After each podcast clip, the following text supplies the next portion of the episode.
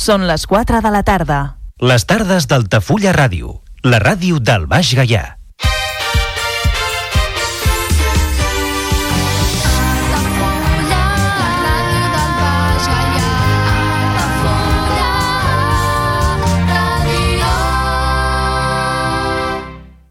Altafulla Ràdio. Serveis informatius.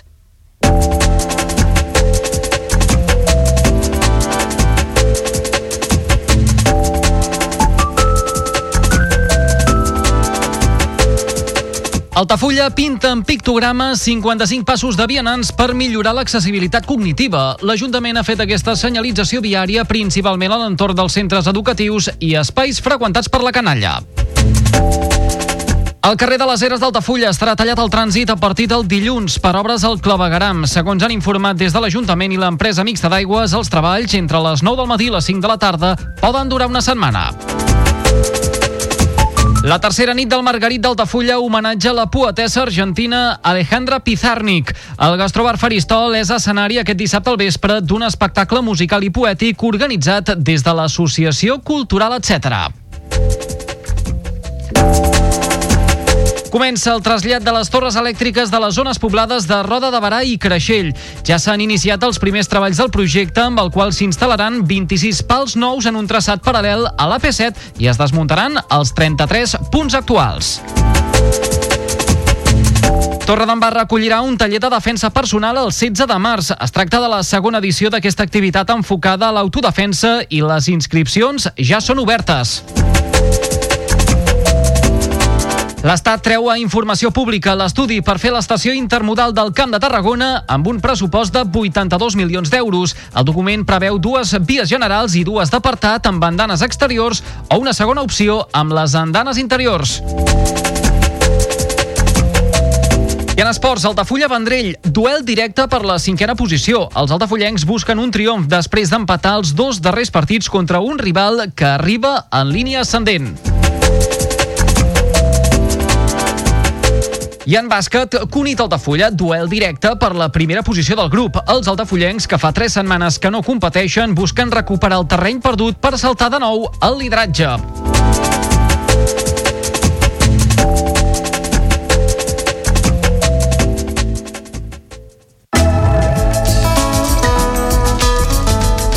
L'agenda d'Altafulla Ràdio recomana Copa Catalunya de BTT infantil, diumenge 18 de febrer a partir de les 10 del matí des del Camí de l'Ermita.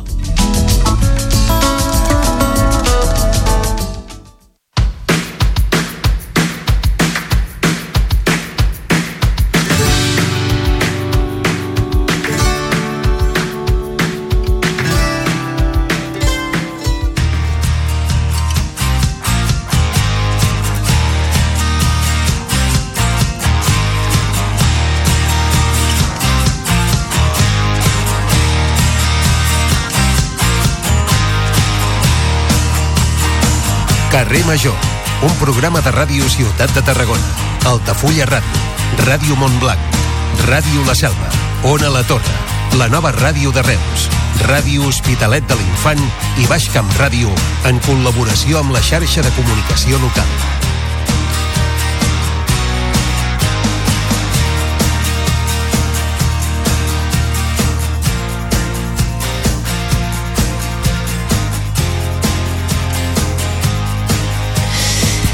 Hola, bona tarda, benvinguts. Això és Carrer Major. Deixat sintonar una mica massa la sintonia perquè encara estic enllestint el guió de presentació del programa. Avui una jornada en què a nivell local una de les notícies del dia és que el ple de Tarragona ha aprovat destinar una part de la tabacalera a fer-hi un centre universitari dedicat al món dels, esporti, uh, dels esports.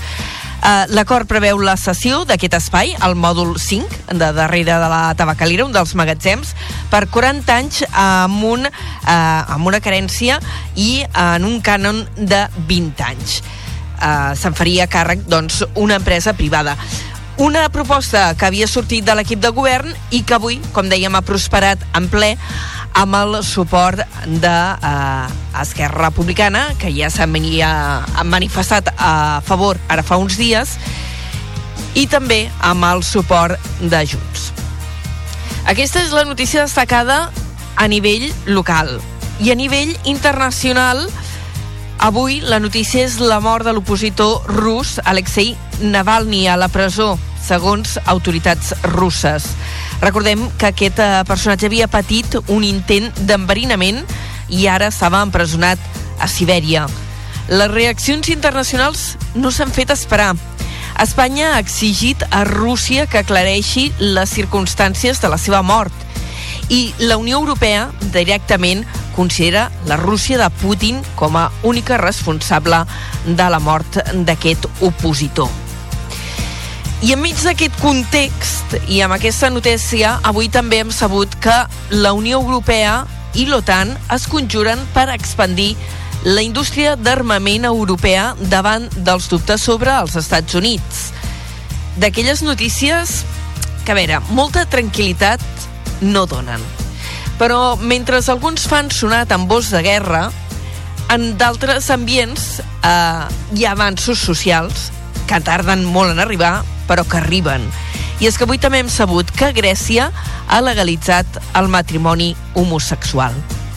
I acabarem amb paraules de la presidència de la Comunitat de Madrid, Isabel Díaz Ayuso, que diu que els nens espanyols de Catalunya estan sotmesos a assetjament i odi i reben un tracte terrible. Com que aquí som ogres, doncs no sé, potser ens tornarem de color verd i se'ns posaran les orelles en forma de trompeteta. Però abans de que això passi, us acompanyarem des d'ara i fins les 6 al carrer Major, el programa que fem 8 emissores del Camp de Tarragona. Us acompanyem tot l'equip que fem aquest programa Liri Rodríguez, l'Aleix Pérez, en David Fernández, la Gemma Bufies, la Cristina Artacho, l'Adrià Requesens, en Jonai González, l'Eduard Virgili, l'Antoni Mellado, Antoni Mateos i jo mateixa, que sóc l'Anna Plaça, i avui incorporem en Daniel Sánchez i l'Adam Calero, al control tècnic, que substituiran el Iago Moreno, que ahir ens va deixar, no, no ens va deixar d'una mala manera, eh? Pobre, simplement que canvia de feina. ha fet un canvi vital i per tant deixa de ser el nostre tècnic. Dit tot això, amb aquesta presentació, comencem.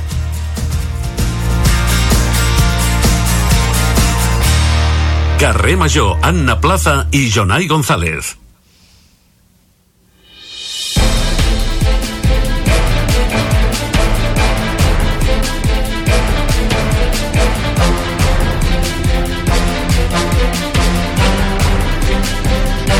Quatre i set minuts, moment de repassar en forma de titulars les notícies del dia al Camp de Tarragona. Ho fem amb en Jonai González. Jonai, bona tarda. Molt bona tarda.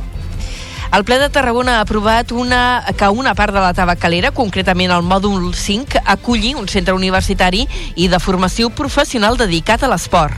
En aquest ple també s'ha aprovat el Pla Integral de la Part Baixa. El document, que es va presentar públicament fa un parell de setmanes, ha prosperat amb la unanimitat de tots els grups. L'ampliació del cap de Torreforta ja és una realitat després que hagin acabat les obres amb què ha guanyat prop de 2.700 metres quadrats. A les instal·lacions ha assistit també el conseller de Salut, Manel Balcells, que ha assegurat que el futur centre d'urgències d'atenció primària de Tarragona anirà al costat de l'Hospital Joan 23. En el capítol de fet divers hi ha hagut 5 detinguts i més de 110 identificats en un dispositiu policial a Reus. Dels 5 detinguts, un és per tràfic de drogues i els altres 4 per estrangeria i s'han registrat també 10 establiments. I han detingut a Saragossa el presumpte autor de la mort violenta d'un home que embri els dilluns passat. Els Mossos d'Esquadra van aconseguir identificar el presumpte autor de la mort i van transmetre una alarma a la resta de cossos estatals. Aigües de Reus inicia les obres del pont dels Calderons del Moster. Aquest aqueducte de l'antic rec del poble portava aigua fins a Reus. I en crònica local també ens situarem a Torre d'Embarra on el govern municipal defensa que han fet tot allò que han pogut per trobar una seu alternativa pel Bike Park Costa Daurada Torre d'Embarra. L'entitat haurà de deixar a finals d'aquest any les seves instal·lacions a tocar del cementiri perquè són de titularitat municipal. La xarxa Santa Tecla ha inaugurat avui a Vilaseca un nou centre especial de treball. L'espai donarà feina a 40 persones i ofereix treball remunerat a persones amb discapacitat, garantint així la seva integració laboral. En esports, el Nàstic de Tarragona visita aquest diumenge el Sestau River amb la intenció de mantenir la primera pas, plaça i seguir sumant després de saltar el lideratge el darrer cap de setmana. I en bàsquet a l'Ale Plata, el Club Bàsquet Tarragona afronta un partit clau aquest cap de setmana després de perdre amb contundència la pista del líder fa uns dies. L'equip rep aquesta jornada al cué del grup, el Palmer Bàsquet Mallorca. Doncs són les notícies que repassarem avui a l'informatiu d'aquí una mitja hora aproximadament i després de parlar de literatura. Avui la nostra convidada serà la Margarida Aritzeta.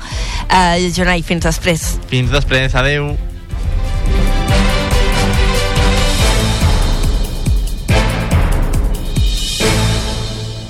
Carrer Major. Toni Mateus.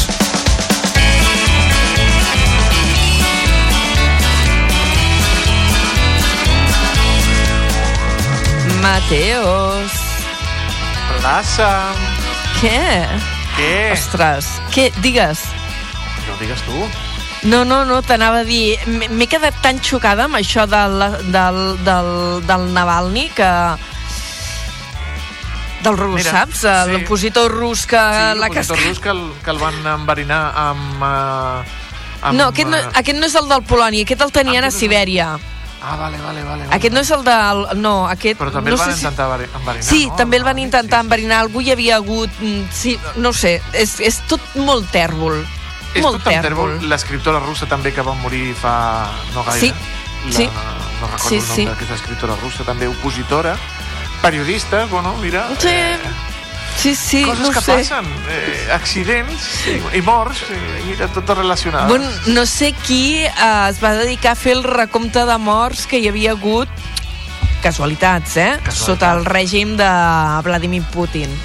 Però mira, són, són Totes morts accidentals, morts sobtades, eh, morts per malalties que mm, això no havia de passar. No, no ho sé, no ho sé, és tot molt tèrbol. Mira, avui, avui tindrem una escriptora que avui ve a presentar una novel·la històrica, però ha fet molta novel·la negra. No sé si li acabaré preguntant també per si troba fonts d'inspiració aquí, eh? Home, I aquí en ha- fem- Aquí n'hi ha, però per, escriure una, una bona saga, eh? Allò, parte 1, parte 2 i parte 3. I, per, i sí, i aquí en podem fer brometa perquè ens ho mirem una miqueta de lluny, però, ostres, inquietant ho és una estona, Ima, eh? Imagina't que fóssim russos i que estiguéssim fent broma. No. No. I de sobte, pum, pum, truquen a la porta. I tu, tor- vaig un moment, Mateus, continua tu amb el programa. I no torna a la plaça. I no torno. Ostres, mira, m'està agafant m'està agafant allò que popularment se'n diu cangueli només de pensar-hi. Mateus, truquen a la porta. Espera't un moment, continua tu amb el programa. I, Anna, Anna, no torna a l'Anna Plaça. Bé, xica, Mira, és- escolta, dintre de les limitacions que tenim en aquest país, podem treballar amb molta llibertat i no ens toquen gaire el crustó. Sí, sí, sí. sí, sí. Disfrutem-ho mentre es duri. De vegades te diuen, escolta... Eh, Això no m'ha a veure-" agradat. I dius, vale, Vale, vale. m'és igual. Però si no t'agrada, no t'ho escoltis, per exemple. O ho argumentes, mira, ho he fet així, perquè això, perquè allò, perquè crec que és important per aquest tema. Tot, tot, s'argumenta aquí. Se, pot, se poden parlar les coses. Escolta, Sí, sí, ai, no, que, que, que m'enrotllo, que m'enrotllo. I tenim a la convidada esperant. Sí, mira, ja està asseguda, i tant. El, als estudis de Ràdio Ciutat, ja ha arribat. Uh, Toni Mateos, uh, Ah, jo avui segur. parlaré d'un llibre que el trobo meravellós Mhm. i tindrem el privilegi de parlar-ne amb l'escriptora i tu què faràs a la segona hora del programa? Doncs mira, parlarem amb l'Héctor Tarro. Ell és director artístic dels Premis Òrbita, uns premis de dansa contemporània que s'estan eh, fent a Reus. En aquesta segona edició doncs parlarem amb, amb ell, que ens visitarà els estudis de la nova ràdio de Reus. El Jordi Palau, el Da Vinci del segle XXI, el nostre col·laborador, avui ens parlarà de les MMAs, les arts marcials mixtes com, eh, on es poden practicar, eh, que estan ara tan de moda, etc etc. I aprofitant aquest fil de les arts marcials mixtes, eh, demà Sí. dissabte, de matinada, hi ha un combat on eh, hi s'hi baralla un eh, lluitador espanyol, Alilia Topuria, que es pot convertir en el primer eh, espanyol en guanyar un títol de la MMA. L'Antonio Mellado i el Mateos, que no ens, ens hem barallat molt poquetes vegades en la nostra vida. Jo crec que Eh. barallar-te amb Mellado ha de ser complicat. Sí, hosti, el Mellado és gran, t'agafa així i no et deixa. No, però no, ho deia perquè se'l veu bon xiquet. No, Ah, no, no, el sí, veig un sí. senyor de cridar. No, de cridar no, però, però com és gran, cuidado, Sí, eh, això- cuidado. doncs parlarem de, de què és el, el món de la, de la UFC, d'aquesta d'aquesta lliga de- de- d'arts marcials, i sobretot parlarem de els diners que es mouen a la plaça, que ah. això Ah. ens agrada, eh? les, les xifres que guanyaran els dos, els dos combatents de, de, de mala nit. Banda sonora del Camp de Tarragona i la furgoneta, la Cristina Artacho, parla amb l'Associació d'Empresaris i Hostalers de Tarragona sobre les jornades gastronòmiques Tastets de Tarragona. Molt bé. Doncs mira, per cert, que sàpigues que dilluns es presenten altres jornades gastronòmiques. Aquestes seran aquí a Torre d'Embarra amb dos elements que m'agraden molt i d'aquesta època. Calçots I carxofes? i millor encara, les carxofes. Oh, Oh! oh. És d'aquelles coses, podria viure de carxofes. Jo d'ous ferrats. Ostres, també, sí, sí, fan de molt bon menjar allò a sucar pa. I tant, I tant. No res. Doncs, eh, Toni Mateus, tot això a partir de les 5 i senyora. jo ara vaig a parlar d'una novel·la meravellosa que es diu Les dones del lli. Doncs estarem ben atents escoltant aquesta entrevista amb la Margarida Litzeta. Perfecte, fins després. Fins després. Cada tarda de dilluns a divendres fem parada a Carrer Major.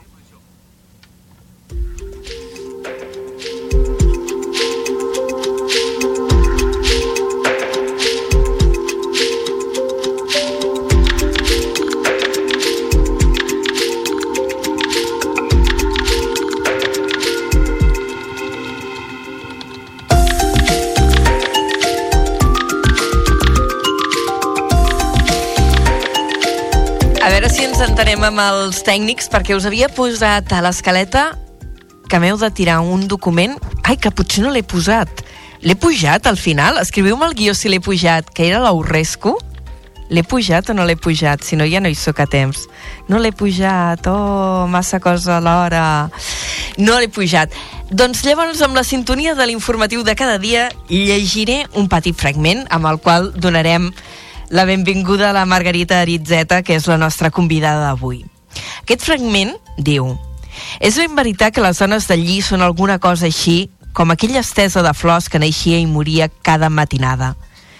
Totes són semblants, però no n'hi ha cap d'igual, i sempre n'hi ha de noves. Cada hivern apareixen les nenes, que venen a aprendre a desfilar, mentre que se'ls en van les noies, que ja s'han fet l'aixovar i es casen. S'hi queden les fadrines i les viudes, anys i anys, fins que ens morim. I amb el temps, si no s'han mort de part, també tornen les que un dia van ser jovenetes casadores i després dones casades, i ara són vídues. I entre totes, fent coixí.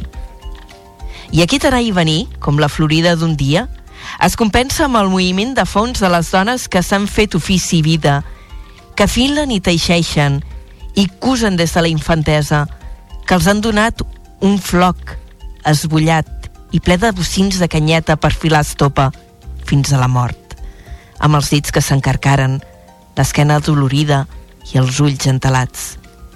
I quan ja no hi serem, en vindran unes altres i tothom oblidarà els nostres noms.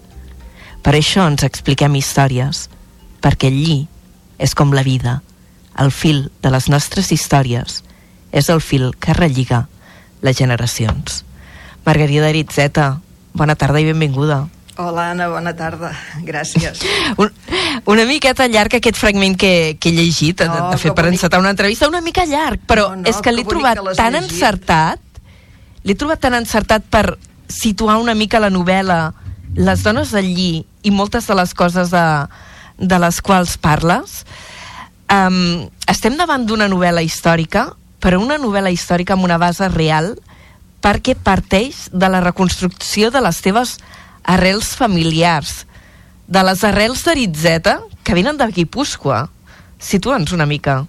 Uh, sí, venen de Guipúscoa, però, però fa molt de temps. Aquestes arrels uh, s'enfundeixen uh, al segle XVI, que és uh, quan hi va començar a haver uh, registres parroquials a Erresil, que és d'on venen els Aritzeta que hi ha escampats per tot el món, I és, veritat, eh, he estat mirant i resulta que tots venim del mateix lloc d'una vall tancadíssima, una vall petitona, una vall que és molt a prop del mar, però alhora és molt lluny del mar, perquè fins fa quatre dies la gent que hi vivia, tret dels homes que s'embarcaven, eh, no havien vist mai el mar, doncs en aquella zona minúscula és on hi ha les cases d'Aritzeta, que bé, suposo que es van construir al llarg del segle XV, primer de fusta, després de pedra i que encara hi són. Eh, seguint aquest fil, doncs un dia em vaig trobar no només amb el fil dels Aritzetes, sinó amb una novel·la completa. Home, això no devia ser tan fàcil, eh, perquè això ho expliques a, a la part final del llibre, perquè el llibre inclou, podríem dir, dues, eh, dues parts. Un llibre que per ser editat Cossetània, uh -huh. eh, que entenc que ja es pot trobar a les llibreries. Sí, sí, sí, ja hi és. Fa uns quants dies i ara comencem ja la roda és, de ja presentació, és, sí. perquè, clar, vull dir, els periodistes tenim el privilegi que abans ten tenim els llibres abans que arribin a les llibreries i dic, ara tinc el dubte de si ja hi és o ja no hi és. Però dèiem que té com a dues parts, perquè una part és la part novel·lada, uh -huh. però després hi ha un apèndix, força llarg a la part de darrere, en la que recuperes mm, la història real dels personatges que hi figuren, perquè són membres d'aquesta nissaga dels Aritzetes i altres famílies emparentades eh, dels que vas parlant al llarg del llibre, i també tot un seguit de topònims i de llocs, o sigui, tenim la doble, la doble visió, no? La novel·la i la història real. Sí, aquesta última part és sobretot perquè la gent no es perdi, és clar, no a tothom li, clar, no a tothom li interessa la història dels aritzetes. Vull dir, la, la història dels aritzetes és, un, és una anècdota dintre de tota aquesta història, no? Però sí que el que hi ha són les explicacions del que volen dir les paraules, de qui són la gent de les famílies i sobretot eh, de quina manera es van anar eh, lligant i trenant eh, totes aquestes persones que he anat trobant els documents, no? I el, clar, els documents són molt freds, els documents són molt esquemàtics, molt escuets, parlen de, de, de fets, eh, però esclar, tot el, el que és les olors, els colors, els moviments, eh, com es mouen els personatges i de, de quina manera es van eh, conèixer, es van relacionar, es van estimar o es van odiar, tot això és una cosa que els documents no ens diuen, no? Llavors els documents els situo per dir, no, no, no et pensis que m'ho invento tot, eh, aquí no m'invento res, però esclar, en realitat és, és tot inventat. Eh, de fet, has fet un exercici que entenc que ja havies fet amb una novel·la anterior titulada El pou dels maquis. Allí recuperaves la, la història d'uns guerrillers que van viure al mas de la teva família a Valls. Sí. És, és un exercici semblant? Sí, i ho és també una novel·la que encara és anterior, que, que recull els fils de la família de la meva mare, que es diu L'herència de Cuba, que, que parla... La meva mare va néixer a Cuba, i per tant ens preguntem eh, d'on venim, no? I ens preguntem i per què la gent es mou i per què la gent va d'una banda a l'altra i per què hi ha exilis i per què hi ha migracions i, i, i per què la meva família està barrejada de tants fils que venen de tants llocs. No, no, hi ha una inquietud, no?, aquí, també per recuperar el teu passat i a vegades, ostres, quan mires tan enrere, a mi m'ha fet un cert vertigen, no?, perquè, clar, quan mirem els nostres antecedents, pensem en els pares, els avis, els que hem tingut la sort, jo vaig tenir la sort d'haver conegut i haver conviscut amb la meva besàvia, però ja quan mires tan enrere dius, ostres, estic retrocedint dintre la meva família generacions i generacions fins a arribar, com deies, al segle XVI. Sí, 1539-40, sí. Sí, uh, Això fa però... molt... Dona un cert vertigen, o sí. quina sensació tenies en trobar... Um, documentació tan antiga de parents teus, perquè no deixen de ser parents teus, tu vens d'allí. Sí, eh, un cert vertigen sí, però alhora eh, resulta que, que veient el món, sobretot d'aquestes dones, no? d'aquestes dones, les criatures, les nenes de Baserri, és a dir, de Mas, que quan tenien set anys eh, els pares els donaven un tros de terra, deien, mira, en aquesta terra, doncs planta el teu lli i, i amb el que plantis i cullis i, i, i, i aconsegueixis, doncs et faràs la roba roba mm, per quan et casis o per quan eh, es morin els avis o per quan neixin els teus fills no? eh, clar, això mm, d'una banda és molt lluny i, i et fa posar una mica els pèls de punta però d'altra banda em parlava també d'un ambient que jo havia conegut i és el de la meva mare i la meva àvia cosint a casa no? o de la meva generació que encara hem sigut aquelles nenes que els estius quan no anaven al col·le doncs les portaven a la modista perquè aprenguessin a cosir i ens trobàvem anàvem tota una colla de gent allà, doncs embastant, fent vores, i, i clar, ens explicaven de tot, no? Coses que passaven al poble, xafarderies, però ens explicàvem històries, també hi feien volar coloms. I llavors aquest món és, és molt lluny i d'altra banda és, és, és molt a prop. Ara parlaves això de l'explicar-nos històries, hi ha, hi ha una cosa que és com una mena de tema que va sortint al llarg de la novel·la, que és, que és aquest poder del relat, no? I he triat un parell de, de fragments, aquests són molt curtets, eh? però que ens, ens aboquen amb això. D'una banda deia, els agradava sentir les històries d'un llibre que s'havia perdut i els ulls entalars de Mona Rosí Lucía, que és un dels personatges que, que va sortint, s'il·luminava quan algú les repetia, aquestes històries. O en un altre fragment dius, la companyia les feia fortes, els relats compartits els donaven poder, i així, amb els relats, s'allargaven la vida.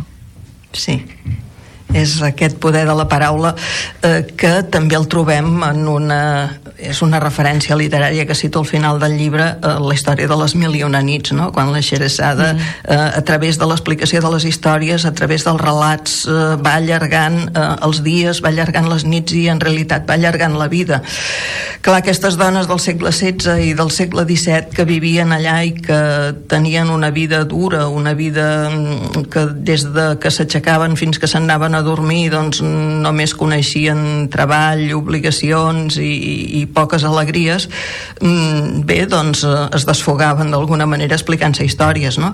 després la gent mm, els homes sobretot de la, de, del poble, del, del mas eh, del lloc, eh, de totes aquestes dones que es trobaven a la part del foc i s'explicaven històries i sopaven juntes cada dia el mateix sopar, castanyes i llet eh, que era el que hi havia en, doncs en deien sopars de bruixes, no? perquè també era el temps de les bruixes i era el temps que sí. tot el que feien les dones amb els remeis, amb les herbes i tal, doncs era sospitós i era posat en qüestió aquest rerefons una mica màgic, llegendari, no? perquè hi ha alguns fragments que, que estan ambientats al bosc, també hi ha moltes referències al mar, no? com, com un element gairebé mític i amb una força destructora, també referències a les balenes, als, als homes que eh, eren els que s'aventuraven al món, no? les dones tancades en aquest ambient més, més reclòs eh, del qual ara feia referència, però aquest element màgic també hi és present a la novel·la. Sí, sí, l'element màgic forma part de la vida d'aquestes dones, d'aquesta gent que vivien a tocar del bosc i per tant el bosc el que hi havia doncs era les deesses, les dones d'aigua, les fúries, hi havia els, els apareguts, hi havia també els, els llops, els ossos, hi havia tota mena d'animals i per tant les creences, les llegendes i les històries reals o inventades mm, bé, formaven part de la seva vida no?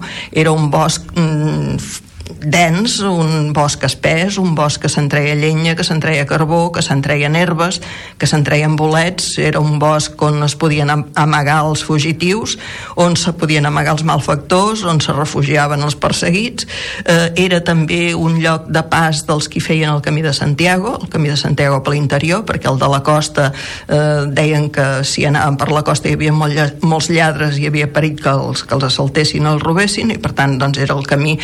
Però era un lloc eh, tancat, era un lloc ple de, de, de històries imaginades i, i era un lloc on eh, et giraves d'esquena i senties el poder d'aquests éssers sobrenaturals que podien venir-te a buscar i t'atrapaven i no et veia mai més ningú, no?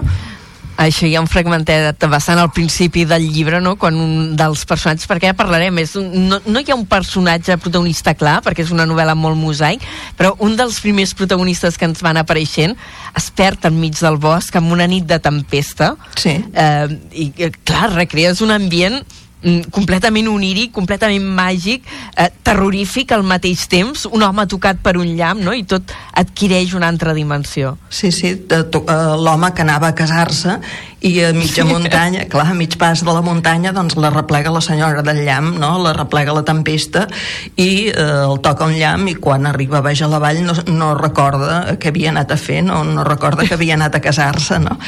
I sí, aquesta, aquesta tempesta, aquest món màgic, eh, era, l'home era balaner, l'home s'havia fet a la mar i la seva activitat era, era balaner i aleshores és un d'aquests personatges que va sortir sortint una vegada i una altra perquè eh, acaba formant part de la, de la llegenda i de les històries inventades. Esclar, aquestes històries o aquesta novel·la de fet dura 160 anys eh, per tant passen diverses generacions de persones que, que es van enllaçant les unes amb les altres se van explicant les històries a la vora del foc i aquest era ton padrí, aquest era el besavi i aquest va venir eh, perquè no es perdi la història però alhora sí. això per entretenir la vida i perquè l'important és el lligam eh, d'una generació amb l'altra no? eh, per això et deia que no és una novel·la amb un protagonista clar, és una novel·la molt mosaic no? -huh. és allò de vas presentant diferents personatges i cadascun amb la seva part de vida, amb la seva part de veritat, amb la seva part de tragèdia Sí, eh, de fet el, el relliga l'últim personatge, el personatge que abandona eh, Guipúscoa, que abandona el País Basc i va a parar en un poblet eh, del, entre la, la entre l'Urgell i la Sagarra, eh, que és eh, bé, eh, ara me'n recordo com és, Arbeca, home i que a més a més diu sembla que baixis d'Arbeca quan vas despistat sí, doncs sí. això m'ha passat a mi sí. ara eh, doncs és aquest personatge que va per Arbeca en 1704, que el trobo que es casa a Arbeca el 1704 i aleshores és a partir d'aquest personatge que quan es casa el dia que es casa plou i comença a tirar clar, el dia que es casa plou i llavors recorda la seva terra, recorda la seva gent i diu, no vull que la meva casa que la meva família se m'oblidi no? i tira el fil enrere i per això se'n recorda les històries que explicaven les, les dones a la foc quan ell era petit. Per tant, el que ho relliga tot és aquest eh, personatge del, de començaments del segle XVIII que, que és el que arrossega tota la càrrega familiar i tot el que voldria explicar als seus fills quan en tingui, perquè clar, quan comença el llibre just es casa, no en té ni idea si tindrà fills o no.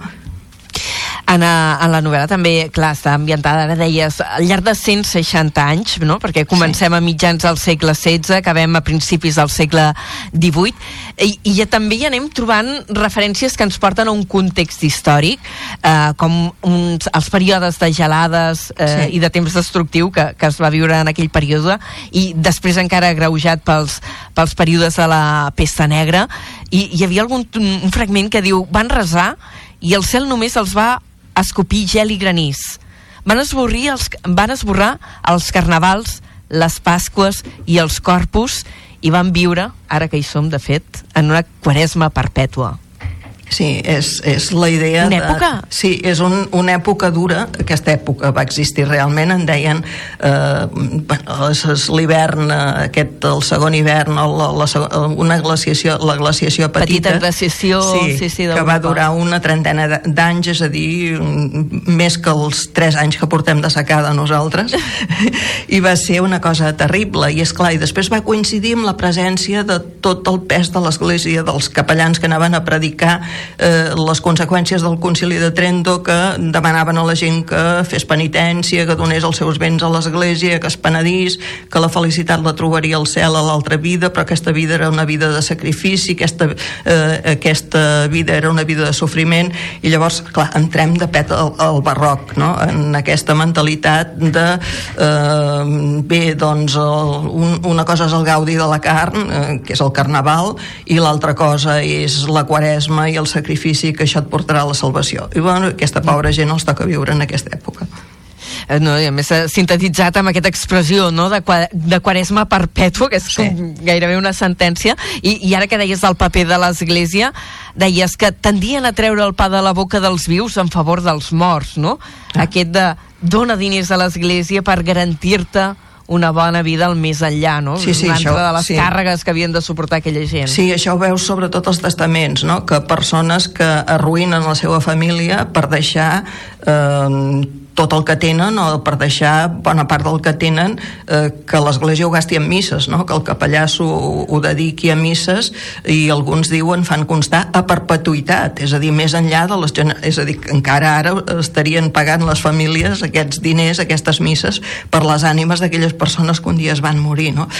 I fins i tot ens trobem amb els documents de l'època que hi va haver algunes, eh, algunes eh, constitucions d'herències, allò quan els pares ho passaven al els fills a condició que aquella propietat, aquella casa o aquelles terres no poguessin anar eh, ni a l'església eh, ni a l'església, ni a cap convent, ni a cap capellà, ni a cap monja, ni per la redempció dels captius, ni per misses, ni per res. És a dir, que hi va haver un moment que ho van haver d'escripturar, això de dir, escolteu, eh, que aquesta casa mai no serveixi eh, per coses que no siguin eh, la vida dels fills no? o la vida dels descendents per tant va ser molt exagerat i molt dur i, i mostres, no?, a través d'algunes de les històries que presentes com, com aquestes disposicions testamentàries, que no sé si vas haver de llegir molts papers per, per entendre com funcionava tot això. Eh, hi havia famílies que endeutaven completament el seu barcerri, el, el seu mas, per... Sí, sí. Doncs, doncs a favor de l'Església o, allò de que semblava que tenien el futur assegurat i resulta que no, no? Per, per unes disposicions testamentàries que vet a saber qui havia dictat. Sí, sí, allò quan algú es trobava malament anava cap allà, cap, all, eh, cap al costat amb, amb l'escrivà que era el que feia de notari no? i el que feia el que redactava el testament i si la família eh, es descuidava una mica acabava sense tenir res sí. Sí, sí, això es llegeix a, a molts documents i n'hi ha, ha un munt d'aquest tipus, sí. Això pas, passava no... aquí, eh? També, no només ja, a Ja, m'ho imagino. ja, eh, clar, ha sigut una descoberta també per tu, el, el País eh, Basc, que després d'haver fet aquest llibre i aquesta recerca, clar, que l'has fet documental, però entenc per coses que expliques que també has visitat l'espai o has revisitat l'espai. Has tombat molt per, per aquella zona de, de Guipúscoa? Sí, sí, sí, sí. Sí, perquè sobretot des de la primera vegada que hi vaig anar, quan vaig localiz, eh, localitzar on eren les, els becerris, les, les cases... Els masos. Els masos, sí. eh, llavors em vaig adonar que encara porten aquell nom i encara hi són. Encara hi són tots, reformats, modernitzats, eh, però encara hi viuen i els llocs encara porten aquell nom i, i encara es poden recórrer, no?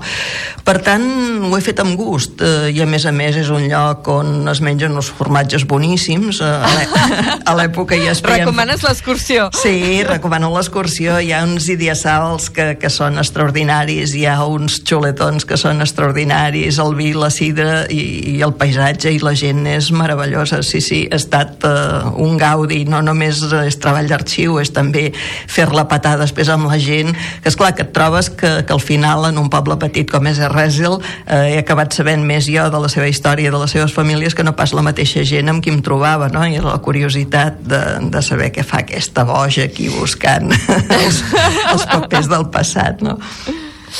Uh, hi ha una cosa, la novel·la m'ha encantat, no, no, no ho diria si no fos veritat, vull dir, m'estalviaria fer comentaris, no? però una de les, de les coses, o sigui, a, a banda d'aquest tot aquest element oníric, màgic, uh, totes les referències històriques que hi ha, el que crec que és mm, meravellós són les descripcions eh, i n'he triat una per posar una mica en context no? quan, quan parla d'aquests paisatges eh, diu també ens van dir que sovint a la caiguda de la tarda, sobretot en els benaurats dies de sol que ens regala la terra, però també en aquells dies que la pluja és més fina i regalima i flota en l'aire més que no cau i ho amara tot. Quan els verds brillen de tan nets que semblen acabats de rentar, sortia a contemplar els camps ondulants, verds o blaus o daurats, que li recordaven aquell mar embruixat que explicaven les dones del lli, el cànem, el blat o el mill, o fins i tot el fenc, tot li portava al cap la idea d'aquell mar d'aigua que s'estenia dies i dies i dies fins a perdre's de vista i que no parava mai. No? Aquest, aquest paral·lelisme constant també entre la terra, entre un paisatge verd i el mar que sí. queda aïllat d'aquesta gent, no? Perquè és, ells se l'imaginen al mar sí. com un lloc somiat que no l'han vist. Sí, ni el veuran, i és un cop de pedra d'allà. És a dir, eh, camines un dia o camines menys d'un dia i arribes al mar. El que passa que les obligacions diàries no els permetien de, de marxar un dia així per, la, per les seues... Si no hi anaven per feina, si no hi, si no hi anaven eh, senzillament per marxar, no? El mar no, no, no el veien mai, no? Llavors, aquesta idea de, de relligar el paisatge paisatge, eh, el paisatge de les, de les herbes que es mouen, de les plantes que es mouen, amb un mar que sempre es mou i un mar que és el que s'emporta els homes de la terra. Se'ls emporta sí. la guerra, se'ls emporta amb vaixells cap a pescar el bacallà o la balena i molts ja no tornen, se'ls emporta cap a Amèrica perquè aquella és una terra amb pocs recursos i per tant la gent ha d'emigrar. Eh, clar, el mar, el mar és, és com, una, com un monstre que, que s'endú la gent, eh, però el mar alhora és un pou d'aventures perquè els que tornen expliquen històries meravelloses de tresors, de la volta al món, és clar, quatre passos allà a Guitària va néixer el Cano, eh, Joan Sebastián el Cano, que és el que va fer la, la volta al món, no? la primera volta al món. Per tant, aquest món dels aventurers, dels homes que tornaven i que explicaven, i les dones allà a la vora del foc embadalides escoltant aquestes històries, els arribava l'oli de balena l'oli de catxalot, que era el que servia per encendre les llànties, per, per veure i a les nits, perquè, és clar llum elèctric no n'hi no havia. No. Algú em deia, diu, escolta, d'aquest llibre té fotos. Dic, home, fotos. No. clar, fotos no. Home, n'hauries pogut fer tu, no?, dels paisatges, sí que és... Perquè és que m'aporta molt això, a veure, a veure un lloc, és que realment el visualitzes, no? Sí, que, que és sí. una de les gràcies del que aconsegueixes amb aquest relat, no? De transportar-te en un espai i en un lloc que ens és llunyà, però fer-nos el molt vívid. Sí, sí, sí, sí, sí, però és clar, la gent, la gent ja no hi és, no? La gent ha desaparegut, però sí que, que hi he provat de fer un relat eh, molt eh, sensual en el sentit que es notin les olors, els colors, les sensacions, eh, que sentis eh, una mica el, pas, el pas de l'aire, no? El, el, el, la, la sensació de la pluja, els diversos tipus de pluja, tot això, clar, quan vas allà ho notes i llavors vols que també qui ho llegeixi que, que ho noti i en fi, això és el que he intentat he de dir que personalment a mi m'ha arribat, ja, ja he dit i us repeteixo que la, la novel·la m'ha agradat moltíssim, la, Les dones del lli de la Margarida Aritzeta, que en aquest cas eh, cultiva el gènere de la novel·la històrica, però que has fet molta novel·la negra, Sí. has fet ciència-ficció, i, i de fet ara fa molt pocs dies s'obria la convocatòria del tercer premi eh, Margarida Aritzeta eh, Vila de Creixell Sí. eh, que s'entrega en el marc de, de les jornades del Festival Creixell Crims que es farà el mes de juliol, que això, escolta, l'altre dia ho dèiem amb, amb el Josep eh, Sánchez, que és el meu company aquí a Ona a la Torre, eh, ostres, això, ja, ja quan un premi porta el teu nom, ja Això és un homenatge Plega. que m'han fet, no, és un homenatge que m'han fet i que ho agraeixo molt perquè és molt bonic, perquè normalment aquestes coses et passen quan t'has mort, no? I llavors Clar, és que ho, ho dèiem, diu, ostres, per, quin privilegi, no? Sí. I que et donin un premi i que... O sigui, no és que et donin el premi, no, no, és que el premi porta el teu nom. Sí, això és, és, molt, és molt bonic eh, perquè demostren que hi ha tota una sèrie al voltant doncs, que, que t'aprecia, que t'estima, que ha llegit els teus llibres i que, i que s'ho ha passat bé amb els llibres. Per tant, s'ho ha passat prou bé com per eh, convocar un premi i dir, mira, li posarem el nom d'aquesta dona. doncs ja està. que hi aniràs a Creixell Crims. Sí. Enguany, dèiem, em sembla que és 12-13 de juliol, ja han dit les dates. Sí, sí, sí, sí, farà caloreta com a les edicions anteriors, però, però no m'ho perdria per res del món, i tant, a Creixell. Sí, sí. Avui ens ha acompanyat a, a Carrer Major la Margarida Aritzeta amb motiu d'aquesta presentació de la novel·la de les dones del lli eh, que ha dit a Cossetània. Deies, ara començarem roda de presentacions. Tens calendari ja al cap d'on et podem veure i on podem sentir-te de primera mà parlant, parlant del llibre i, i difonent-lo i divulgant-lo? Sí, a veure, que me'n recordi. El, aquest dimecres eh, de la setmana que ve, avui és divendres, no? El dimecres de la Sí. setmana que ve presentem a Valls, eh, a l'Institut d'Estudis Vallencs. El dijous presentem a Tarragona, la llibreria Etzerà. El divendres vaig al programa del Grasset. I que me'n Ah, molt bé. sí. Per una vegada a la vida m'anticipo amb ell, ja li Veus? Sí. Soc com vilatana del Grasset, ja he de dir. Ets de, de Salou. De Vilaseca, de Vilaseca, Salou. som convilatans, sí, sí. Perfecte. Doncs el divendres toca, toca Graset i que me'n recordi el dia 8 de març, que és el dia de les dones, vaig a Rubí i a partir d'aquí ja no ho sé, ja, ja és una bogeria. Després hi ha Sant Jordi. I després ja ve Sant Jordi. Sí. Eh, segurament, almenys aquí a, a casa nostra, espero que estigui en, en la llista dels més venuts, molt ben situat a les llibreries. Jo el recomano moltíssim perquè m'ho he passat molt bé llegint-lo. Les dones del lli de la Margarida Aritzeta. T'agraïm moltíssim que hagis vingut avui a, al programa a presentar-lo. Moltes gràcies a tu i una abraçada. Fins, fins la pròxima. Adéu-siau. Adéu. Carrer Major, la proximitat del Camp de Tarragona.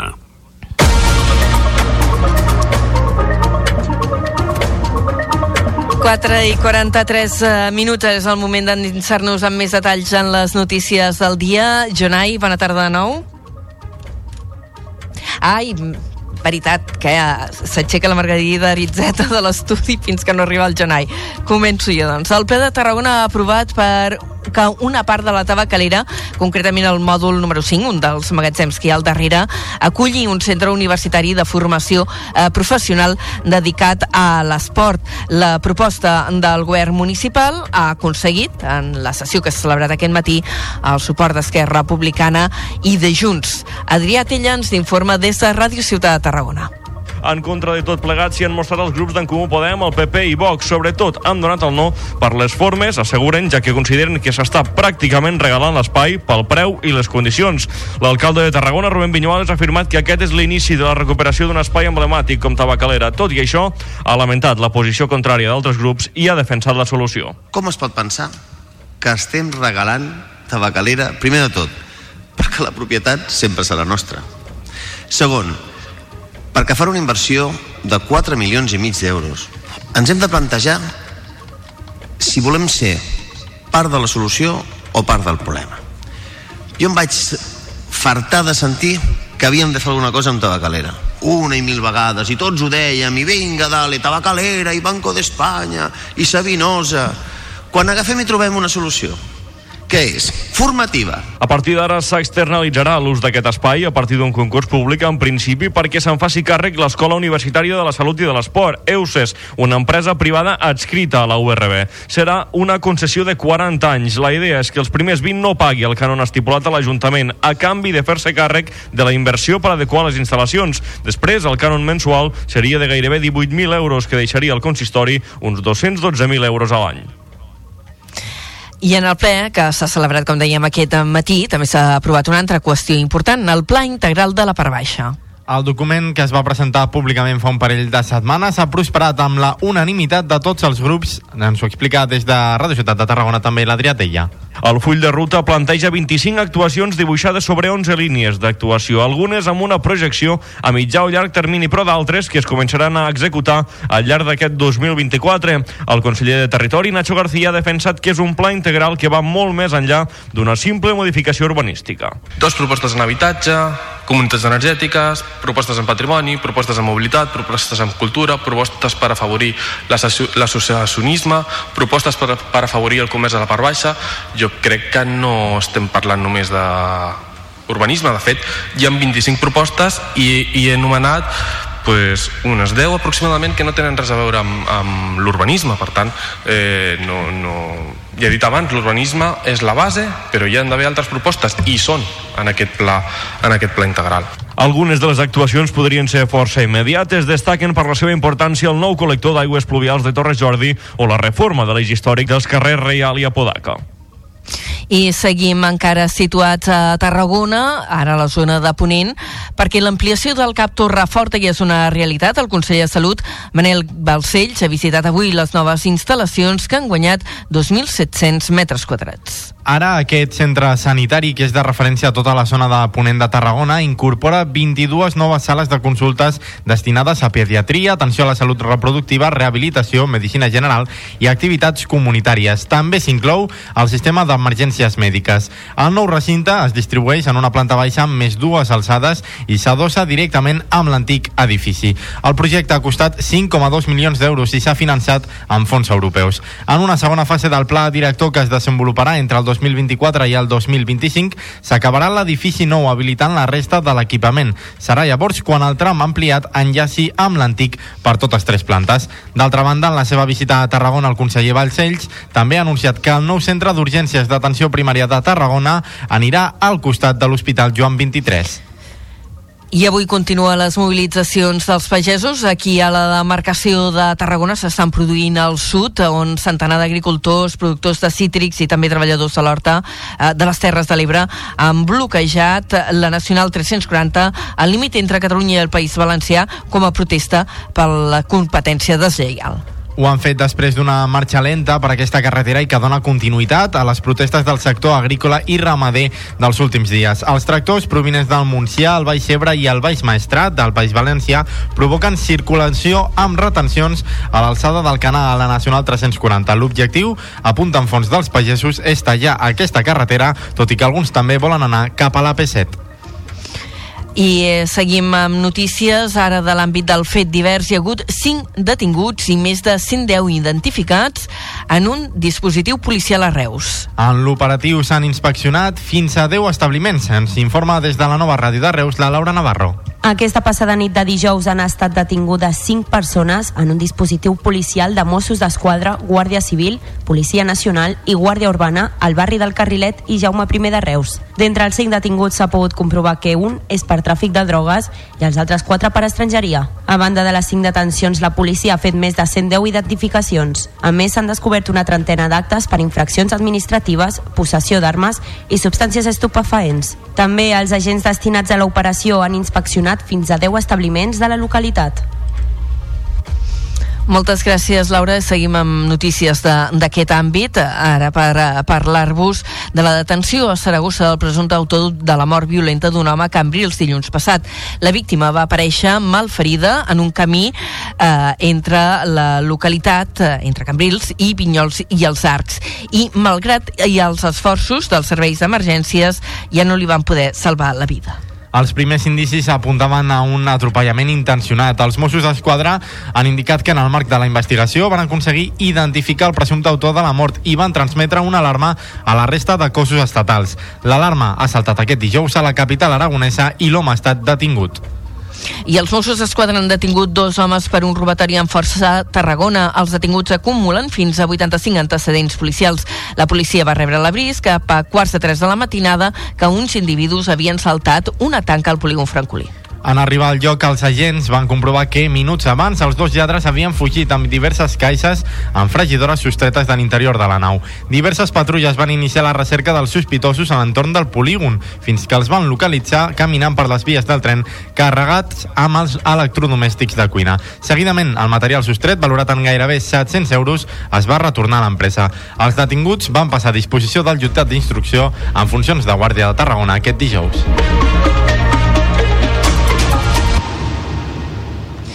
Entrem ara en crònica local. Ho fem en primer lloc eh, situats a Reus, on l'empresa d'aigües ha iniciat les obres del pont dels Calderons del Moster. Aquest aqueducte de l'antic rec del poble portava aigua a Reus. Des de la nova ràdio de Reus ens ho explica la Laura Navarro. Actualment la zona presenta un important estat de deteriorament a causa de l'ús de la infraestructura i el pas de vehicles pel pont. Les obres compten amb una inversió prevista de més de 103.000 euros i es portarà a terme en un transcurs de 3 mesos. El projecte inclou tres tipus d'intervencions, com la recuperació de la part superior del pont, el canvi de paviment del camí i l'adequació d'una zona nova com a mirador de l'antic aquaducte, creant un espai de descans i refugi pels vianants que circulen pel camí. El pont de Calderón se situa a l'antic camí de Castellvell i és un pont de pedra que compta amb un aquaducte que es va construir entre el 1444 i el 1449 i que formava part del rec que conduïa l'aigua al minat del Moster per l'abastament de la ciutat de Reus. D'altra banda, l'Ajuntament de Reus ha renovat el conveni amb la Càtedra d'Habitatge de la Universitat Rovira i Virgili. El document actual estarà vigent fins al 2025. Des de la nova ràdio de Reus ens ho explica la Laura Navarro.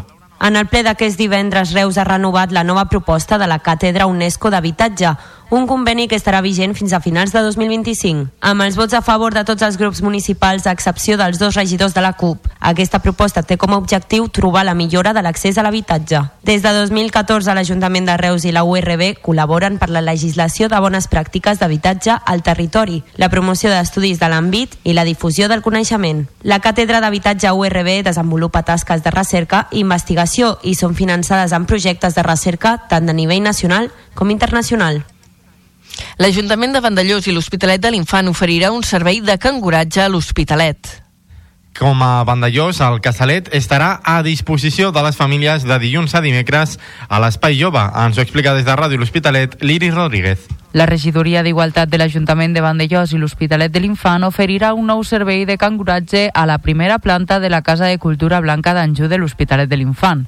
Esmeralda Saladier és la regidora d'Igualtat. Aquest servei l'oferim gràcies a una subvenció que percebem des de l'Ajuntament. És una subvenció que ve del Departament d'Igualtat i Feminismes amb l'objectiu d'ajudar a les famílies a la conciliació. Per tant, és un servei de canguratge que és perquè els pares i, bueno, i iaios també no? puguin deixar als infants i puguin gaudir del, del seu temps. Aquest servei estarà a l'abast de les famílies amb nens i nenes de 3 a 10 anys de dilluns a dimecres per un preu d'un euro per infant i dia i es preveu que es prolongui fins a finals de maig. I parlant de qüestions socials, la xarxa Santa Tecla ha inaugurat a Vilaseca un nou centre especial de treball. L'espai dona feina a 40 persones i ofereix treball remunerat a persones amb discapacitat, garantint així la seva integració, integració laboral. Des de Ràdio Ciutat de Tarragona ens ho amplia la Triaduc. El centre estava abans situat al municipi dels Pallaresos i ara, des del 15 de gener, s'ha traslladat a Vilaseca, a la recerca d'un espai més gran, amb més equipaments i més actualitzats i amb unes millors condicions pels empleats.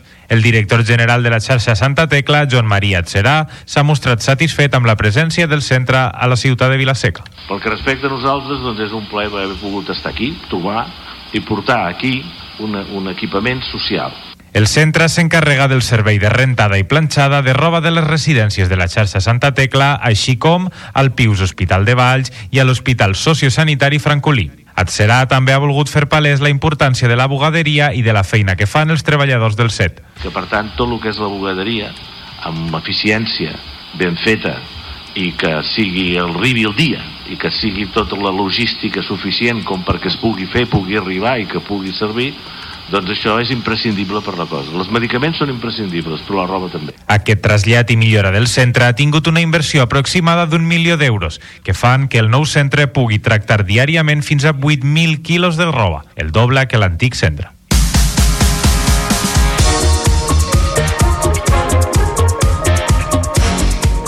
I a punt esportiu per explicar-vos que el Nàstic de Tarragona visita aquest diumenge el Sestau River amb la intenció de mantenir la primera plaça i seguir sumant després de saltar el lideratge al darrer cap de setmana. Tot i això, cos tècnic i plantilla tenen clar que no ha de canviar res, sobretot perquè encara resten 15 jornades de Lliga. I el Club Bàsquet Tarragona afronta un partit, un partit clau aquest cap de setmana. Després de perdre amb contundència la pista del líder fa uns dies, l'equip rep aquesta jornada al cué del grup, el Palmer Bàsquet Mallorca.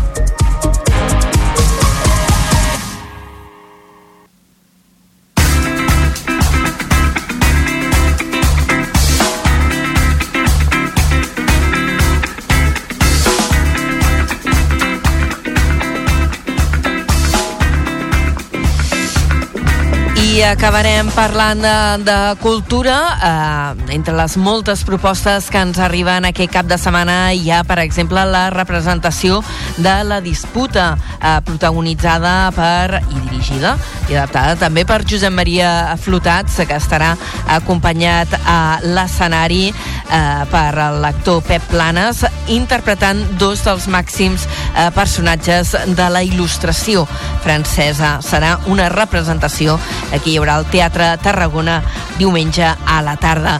I acabem amb una recomanació que ens arriba des del moll de Costa de Tarragona on s'ha presentat una exposició dedicada a Josep Vallverdú i una altra als agents rurals. Tanquem així la primera hora.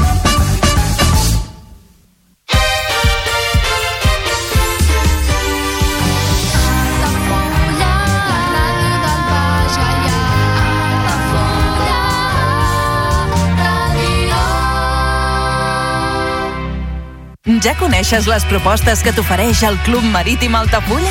Vine i descobreix totes les nostres activitats. Sortides en caiac o pa del surf, cursos de vela per a totes les edats. No t'ho perdis. Club Marítim Altafulla.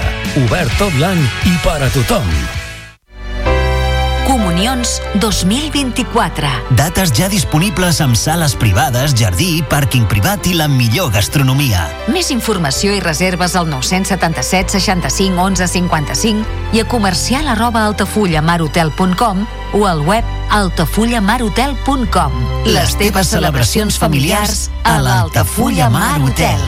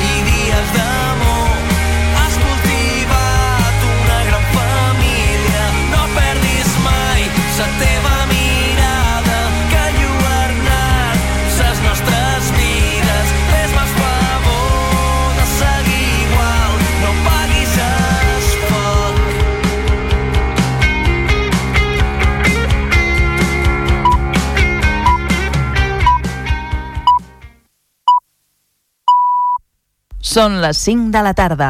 Les tardes d'Altafulla Ràdio, la ràdio del Baix Gaià.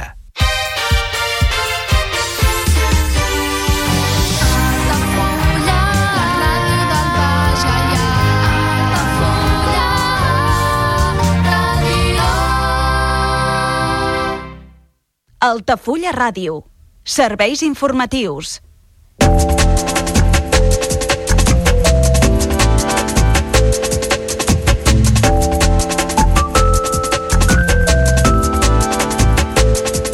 Altafulla pinta en pictogrames 55 passos de vianants per millorar l'accessibilitat cognitiva. L'Ajuntament ha fet aquesta senyalització viària principalment a l'entorn dels centres educatius i espais freqüentats per la canalla.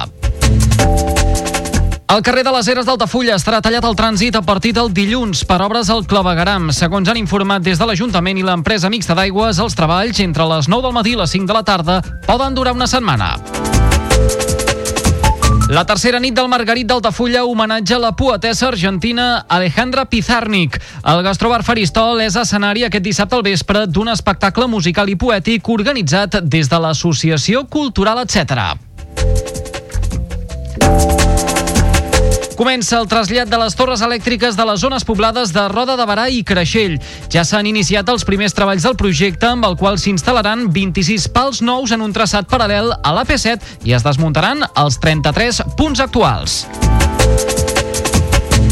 Torredembarra acollirà un taller de defensa personal el 16 de març. Es tracta de la segona edició d'aquesta activitat enfocada a l'autodefensa i les inscripcions ja són obertes. L'Estat treu a informació pública l'estudi per fer l'estació intermodal del Camp de Tarragona amb un pressupost de 82 milions d'euros. El document preveu dues vies generals i dues d'apartat amb bandanes exteriors o una segona opció amb les andanes interiors. I en esports, Altafulla Vendrell, duel directe per la cinquena posició. Els altafullencs busquen un triomf després d'empatar els dos darrers partits contra un rival que arriba en línia ascendent. I en bàsquet, Cunit Altafulla, duel directe per la primera posició del grup. Els altafullencs, que fa tres setmanes que no competeixen, busquen recuperar el terreny perdut per saltar de nou al lideratge.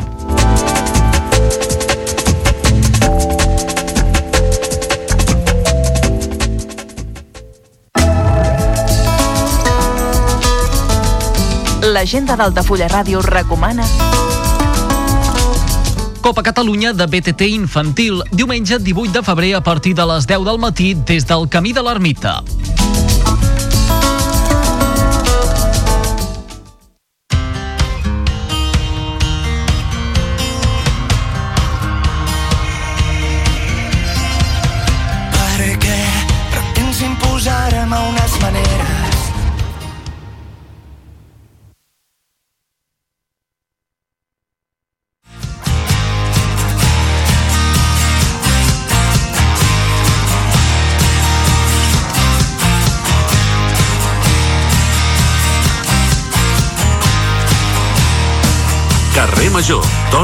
Mateos i Aleix Pérez.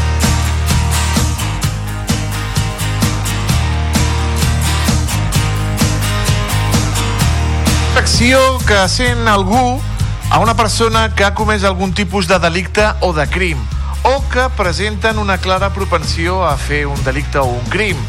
I això s'està veient últimament la ibistrofília a Twitter o a X, aquesta plataforma com vostès vulguin, amb el cas del Daniel Sancho, aquest eh, famós xef. La història del Daniel Sancho va commocionar a tot el món aquest passat estiu. Jove, guapo, famós, està acusat d'assassinat i d'esquartarà a Edwin Arrieta a Tailàndia. Podria ser condemnat a pena de mort per aquest fet. Eh, les televisions estan fent el seu agost particular, seguint de ben a prop el judici i quina serà l'estratègia de la seva defensa. No obstant això, a les xarxes, com hem dit, s'han observat aquests mesos missatges de suport incondicional al jove. Missatges que fins i tot freguen la idolatria personal. Tots ells acompanyats de l'etiqueta Free Daniel Sancho. Allibereu el Daniel Sancho. Alerta als missatges. Alguns diuen lo guapo que és el nostre nen Daniel, ser tan guapi sí que és un delicte. Un altre. Noies, En breu, el nostre nen Daniel a Espanya. Espero que sigui una estratègia per a ficar-lo dins de GH VIP. Una altra. Sé que el nostre bombó és incapaç de matar. De fet, aposto que el cirurgià estava celós, estava gelós, que es va desmembrar a si mateix per inculpar Daniel i així arruïnar-li la vida. Arriba tard per GH Duo, però sé que serà el guanyador de Supervivientes. Ojo als missatges. No sé si tens club de fans, tu, eh, Aleix Pérez, o reps missatges tan pertorbadors, o hi ha una etiqueta que es digui Free Aleix Pérez.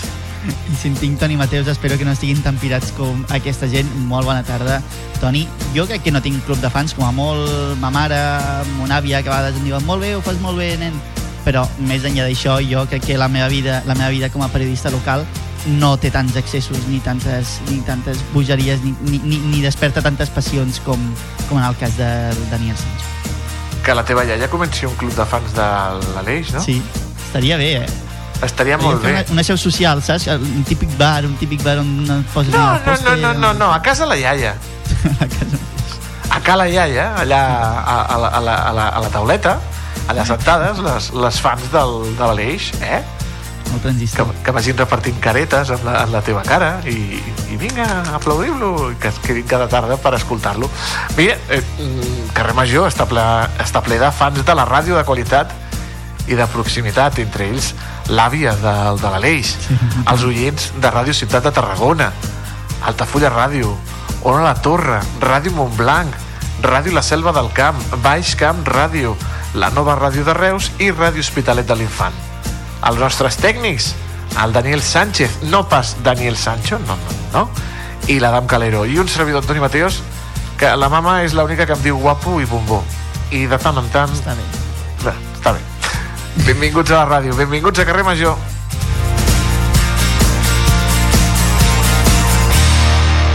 Cada tarda de dilluns a divendres fem parada a Carrer Major.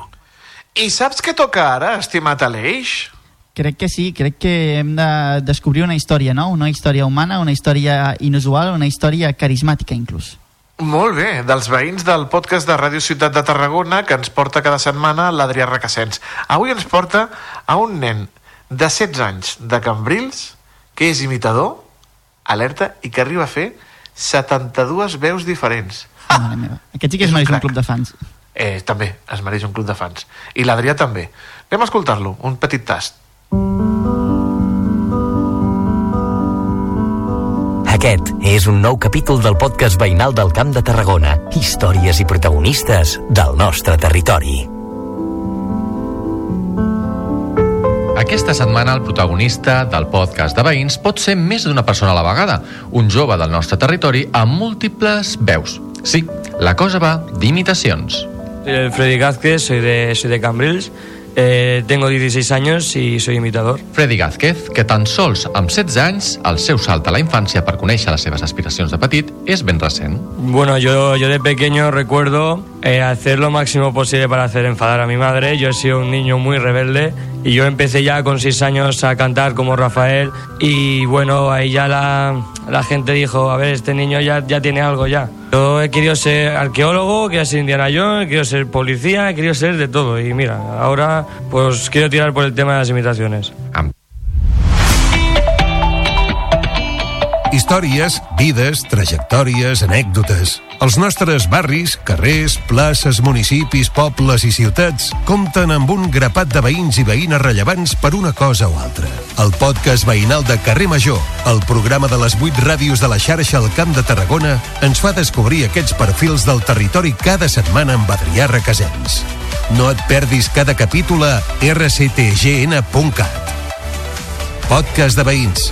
Gent amb marca local. Carrer Major, la proximitat del Camp de Tarragona.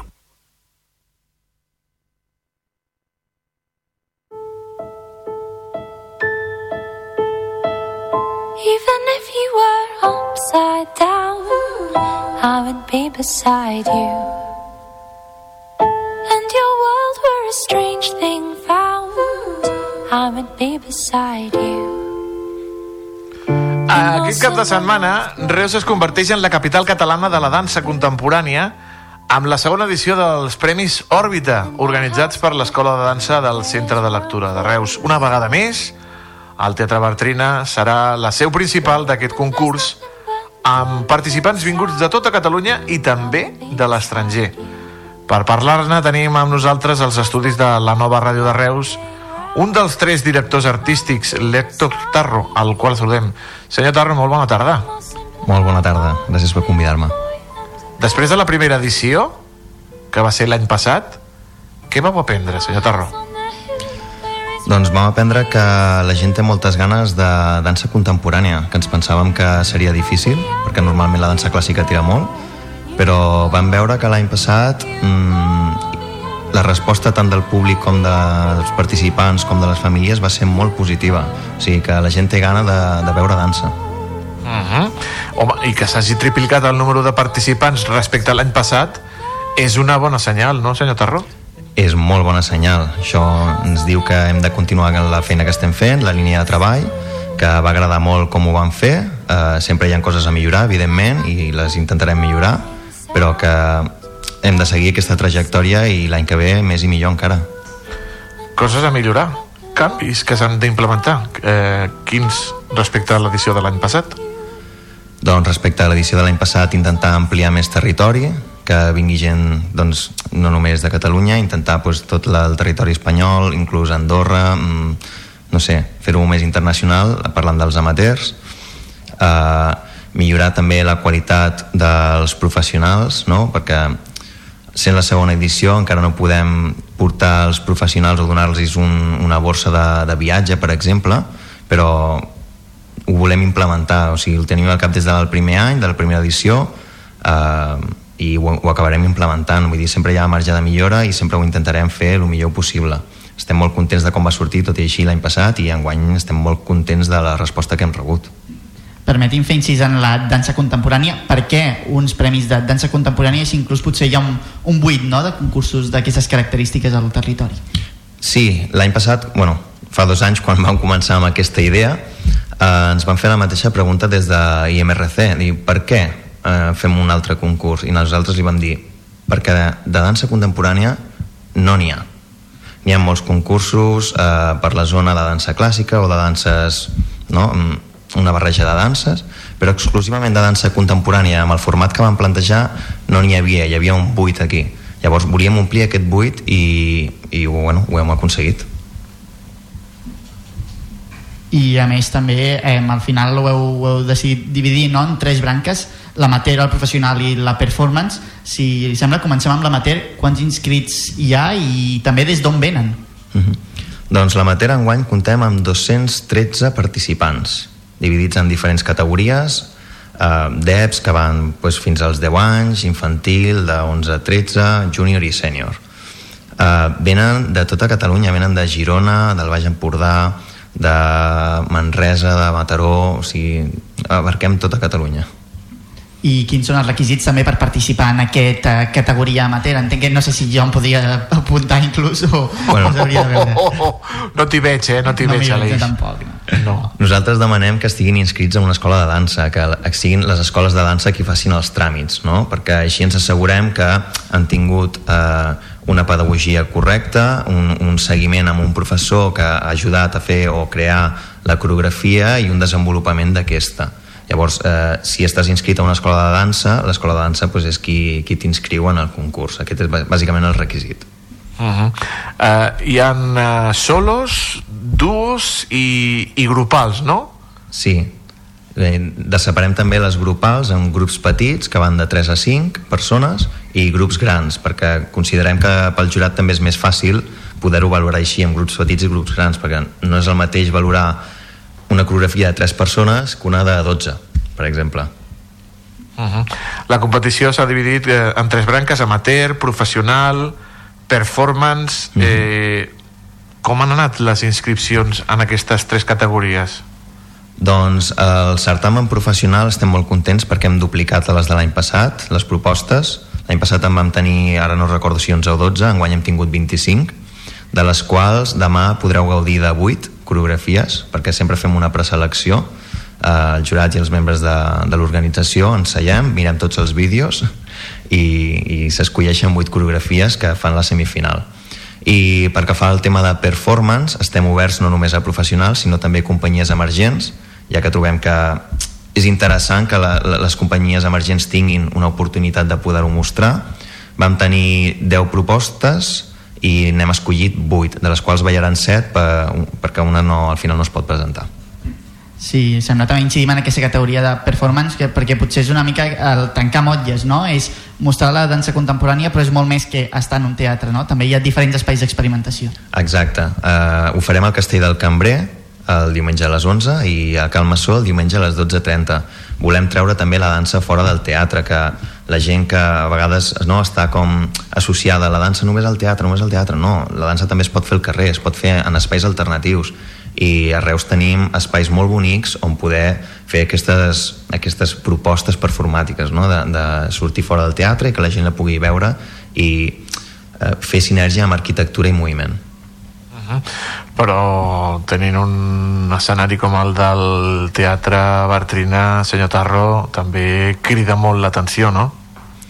Sí, bueno, per això tenim ja les propostes professionals al teatre, vull dir, no, no, no és que abandonem el Teatre Bartrina, ni molt menys perquè eh, ens apassiona aquest teatre, és molt bonic, és molt agraït de ballar, la veritat, però també volem fer apostar no només pel teatre, sinó també per la ciutat i, i que la gent ho pugui gaudir eh, en espais oberts. Uh -huh. Parlem de la categoria professional que ha dit vostè, que és la que estarà al Teatre Bartrina. Ballarins, companyies que, que visitaran Reus, eh, primer nivell, suposo, i com, com els hi arriba a, a aquest concurs eh, que se celebra a, a la ciutat? Doncs nosaltres intentem fer bastanta propaganda, tant per xarxes socials com per la web, intentem eh, estar dins de pàgines de dansa especialitzades en dansa, Llavors, quan alguna ballaria, ai, ballarina, ballarí, companyia vol participar en aquests certàmens, que n'hi ha uns quants a tota Europa, no molts, però n'hi ha uns quants, eh, ràpidament apareixen.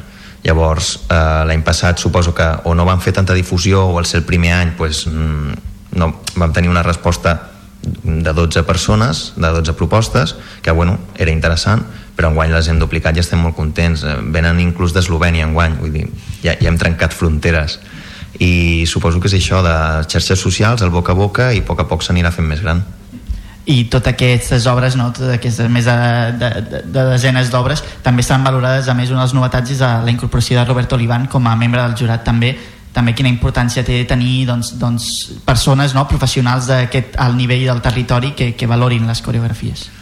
Tenir un jurat de nivell internacional ens dona un prestigi i que la gent tingui ganes de venir no? eh, tant amateurs com professionals ara parlo perquè quan, quan tu veus un certamen molts cops primer mires qui hi ha de jurat perquè el jurat també et determina eh, una mica les coreografies, si vols que bueno, tenen un ull crític, saben del que parlen, eh, poden otorgar algun tipus de beca o estança, mm, si eh, una residència artística, eh, et convido a ballar en el meu festival, i ens dona molt de prestigi i molt de caché tenir mm, tant a la Natàlia Vinyas, la Sol Vázquez com el Roberto Olivan. O sigui, estem molt contents de la incorporació del Roberto enguany. Uh -huh. Déu-n'hi-do, quin, quin jurat i el guanyador, guanyadora guanyadors, guanyadores que s'emportaran doncs pel que fa a la performance, començo per la performance, s'emportarà un contracte per ballar al Festival del Cos d'aquí Reus, uh -huh. perquè nosaltres creiem no, en, en, en fer sinergies. I vam arribar amb aquest acord amb l'IMRC que de bon grat ens van donar aquesta oferta directament de dir, escolta'm, pues, ja que fem aquí i fem que vinguin també després a ballar i així poden tornar a fer la peça. El que fa el certamen professional doncs el, tenim tres, quatre premis econòmics un primer, un segon, un tercer i el premi del públic. El premi del públic com a novetat d'enguany que són 200 euros el tercer premi seran 500 el segon 1.500 i el primer premi 3.000 euros.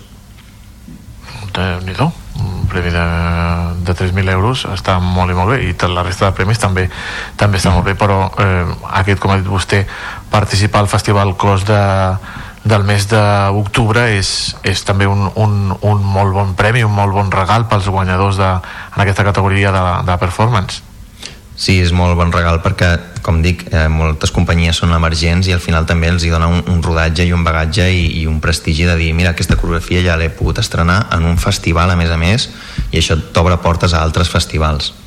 Enguany també tenim altres eh, premis no econòmics que són bueno, eh, el Festival de Batex que també donarà un contracte eh, hauran d'escollir si a la performance o al certamen professional i el Roberto Olivan ens va dir aquesta setmana que obriria una residència artística a una de les coreografies de, del certamen. O sigui, grans premis tenim en guany Déu-n'hi-do, déu nhi déu eh, això no seria possible senyor Torres sense l'ajuda de voluntaris voluntàries, persones que fan possible que donen el seu cop de mà perquè aquesta òrbita sigui una realitat Sí, tenim un equip al darrere magnífic i també tenim els nostres patrocinadors que enguany per sort s'han incorporat uns quants més que de debò sense ells no seria possible que això anirés millorant.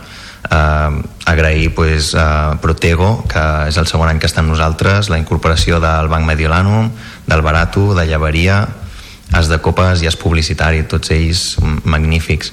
I després també l'equip tècnic que tenim, tant del centre de lectura com els organitzadors, com alguns voluntaris durant el cap de setmana, que sense ells tampoc seria possible fer, fer bueno, els Premis Òrbita. I a més també una cosa que m'ha cridat l'atenció no? és que a més també està oberta a la ciutadania això és gairebé un preu simbòlic no? l'entrada a, a veure aquestes coreografies de primeríssim nivell Sí, eh, de fet, les entrades de primeríssim nivell del certamen són completament gratuïtes. Mm, convidem a tota la ciutadania que vingui, bueno, fins a forament del teatre, clar, però convidem, o sigui, ho fem altruistament. De fet, només posem entrada al concurs amateur per un fet de, també d'aforament, de poder controlar una mica mm, que no s'ompli el teatre i els pares dels alumnes o els familiars, amics, puguin veure les seves coreografies. Quin és l'estat de salut? Vostè que sent el batec cada dia de la, de la dansa, de la dansa contemporània. Quin és l'estat de salut de la dansa contemporània aquí al, al Camp de Tarragona? Doncs fluctua una mica. fluctua una mica. La veritat és que a vegades la cultura costa una miqueta, Uh, sobretot molta gent té por de la dansa contemporània por en el sentit de no sé què vaig a veure no, uh, no sé què em trobaré al davant no sé si m'agradarà però molts cops després d'anar a veure els espectacles o algunes coreografies mm, surten amb sensacions diferents i, i perquè t'acaben explicant potser no una història com a la dansa clàssica no? d'un amor d'una persona s'enamora d'una altra però sí que t'expliquen algun sentiment alguna, eh, alguna història de, de, de rerefons que et fa pensar i surts pues, d'una manera diferent i què li sembla que hi hagin programes de televisió actualment programes de televisió de dansa eh, s'han posat molt de moda el fama bailar però tots tiren cap a l'urban tots tiren cap a la dansa més, eh, més actual més de carrer però, home, eh, aquest tipus de, de programes donen una mica de, donen visibilitat no, al, al món de la dansa Sí, sí, donen molta visibilitat, és important donar visibilitat. Eh, una comparació seria, per exemple, OT, no? que abans de OT, de la primera edició, parlo ara de fa 20 anys, uh, la gent, bueno, sí, ets cantant, vale, ok, vols ser cantant, eh, una acadèmia, però va sortir aquest programa i arrel d'aquest programa es prenen més en sèrio quan la gent diu vull ser cantant. O sigui, trobo que aquest tipus de programes donen suport a um, futures generacions a que puguin tirar cap a aquest camí i no ser jutjats de, de cap manera de dir no, vull fer això, doncs endavant, tira, perquè hem vist que, que es pot fer. Doncs ja ho saben, amics i amigues, aquest cap de setmana tenen una cita imperdible a la ciutat de Reus, al Teatre Bartrina, al Castell del Cambrer i també a Calmassó, eh, per veure, per gaudir de la dansa contemporània, per gaudir d'aquest festival Òrbita. Eh, hem parlat amb Héctor Tarro, un dels directors artístics d'aquests Premis Òrbita de dansa contemporània. Mm, en la dansa també es diu molta merda, senyor Tarro? Sí, també es diu molta merda. Doncs molta pues, merda, no? Molta merda. Gràcies. Gràcies, fins la propera. Gràcies. Cada tarda de dilluns a divendres fem parada a Carrer Major. En una mansió de les que el temps ha guarnit s'ha trobat arraconat un quadre gegantí molt a prop a un Doncs nosaltres continuem aquí al carrer Major i anem a parlar amb el nostre Da Vinci del segle XXI. Una vella inspiració reviu Amb el nostre criminòleg, amb el Jordi Palau, que el saludem. Jordi, bona tarda, com estàs? Molt bona tarda, Toni. Molt bé, gràcies. I tu? Molt bé, molt bé, molt, molt preparat ja que és divendres, ja preparadíssim pel cap de setmana. doncs sí, sí, ja, ja, ja tant sé. Escolta, Jordi, avui anem a parlar d'un tema que t'agrada molt, que domines molt, com són les MMAs, que molta gent dirà, què és això Sí. de la MMA? I, i, i, i què, què, què és la MMA? És un nom en anglès, és l'acrònim de Arts Marcials Mixtes. Mixed Martial Arts, en anglès. En català seria Arts Marcials Mixtes. Com féssim al revés, no? Llegim al revés, A, MMA. Ah, i, i d'on ve això de les arts marcials mixtes? Perquè nos, nosaltres coneixem les arts marcials eh, el taekwondo, el karate, el judo, sí. eh, mixtes, què vol dir? Una barreja de tot? Doncs és una cosa molt curiosa, perquè l'origen d'això d'aquí és que fa unes dècades enrere tothom presumia que la seva art marcial era la millor, no? Per exemple, els de judo deien, no, no, el millor és judo. Els de taekwondo deien, no, no, el millor és taekwondo. I els de karate deien, no, no, el millor és karate. Després venien els de boxeo i també deien, nosaltres no, no, el millor és el boxeo. I van decidir eh, pues, provar una cosa que en aquells moments es diu valetudo, com dient, fem una cosa, eh, com que no, cada un ha de competir amb la seva manera, perquè no fem, provem de, de competir entre diferents arts marcials, a veure quina és la millor. Llavors van començar, clar, cada una tenia unes normes, i van fer una cosa que es diu valetudo, que és a dir, que tot valia, que era eh, intentar enfrontar-se i que tot valgués, és a dir, que, no hi hagués, que tots els cops fossin permesos. Clar, allò va tindre molt èxit, va ser una barbaritat, eh, hi havia gent que guanyaven, i es va demostrar pues, que, clar, que potser el karate no era tan bo com semblava, i depèn qui l'utilitzés i tal.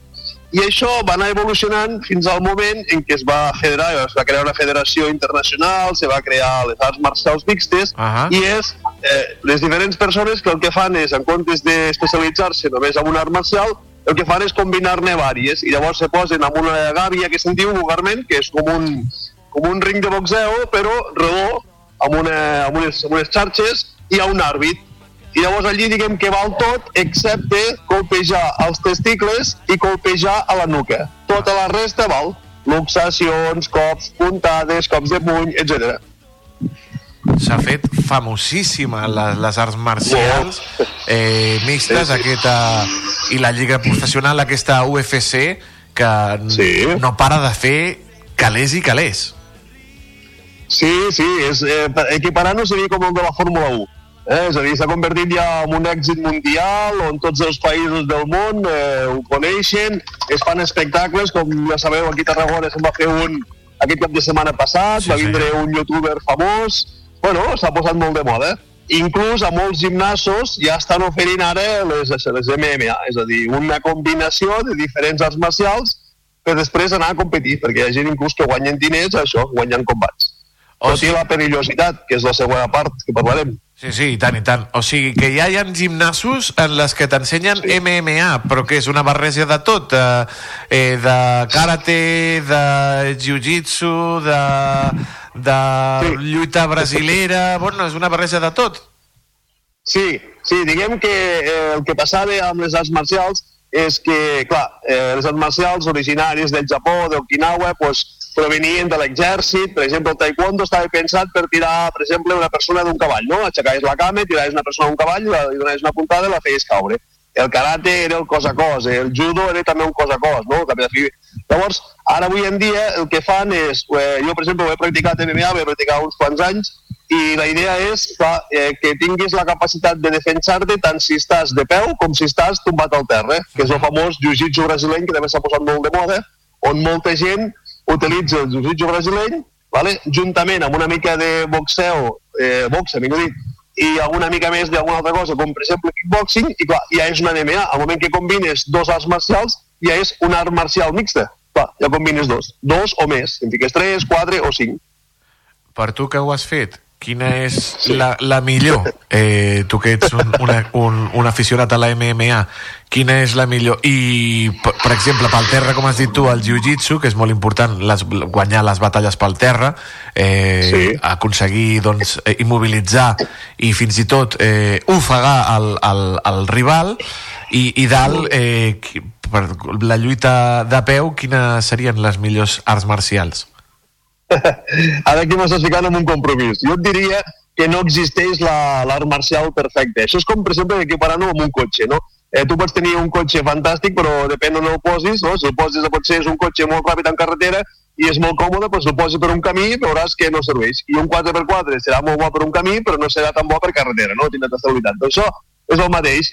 És a dir, pensa que qualsevol baralla, qualsevol agressió eh, pel carrer, si algun dia tens que defensar-te d'algo, eh, és molt probable que caiguis al terra. És el més probable. El 80% de les, de les baralles acaben al terra. Per què? Perquè entre pusses amb una vorera, entre pusses amb una farola o entre pusses amb una, amb una, amb una cadira, amb un cotxe o amb un patinet que està aparcat. Llavors, és veritat que l'important és saber-te defensar o lluitar tant de peu com al terra.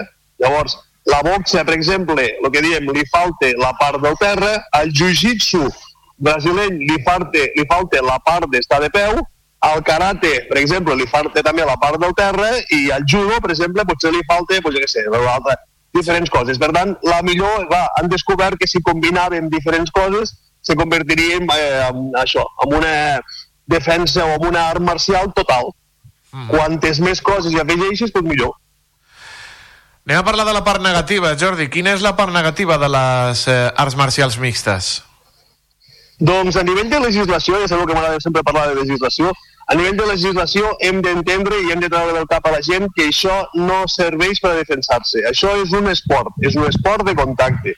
No serveix per a defensar-se, perquè tu, si una persona te vol, és allò, en una discussió de trànsit, no pots aplicar dos cops de puny, quatre puntades i llançar-lo al terra i ofegar-lo. No, això no és defensa. Llavors, hem de, no hem de confondre això. Segona part de la part negativa, penseu que la gent que ho practiquen són gent eh, entrenada amb unes capacitats innates per a suportar el dolor, per a suportar els cops, etc etc. És a dir, no tothom estem preparats per a suportar un cop de puny d'una persona de 80 o 90 quilos, perquè els danys neurològics que poden causar són terribles.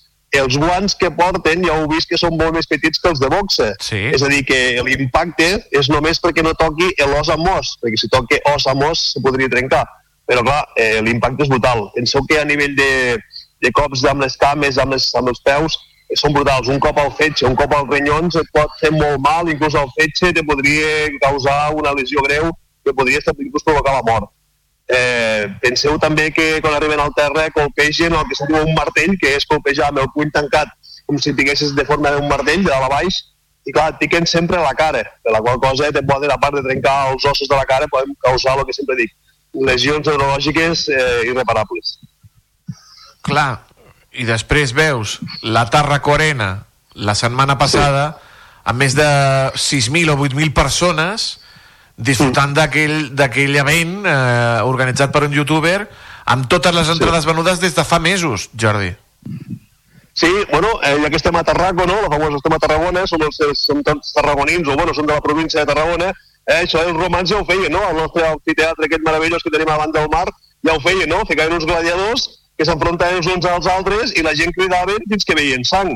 I tampoc a vegades penso que la, la humanitat no ha evolucionat tant com pensem, perquè fa més de 2.000 anys ja fèiem el mateix.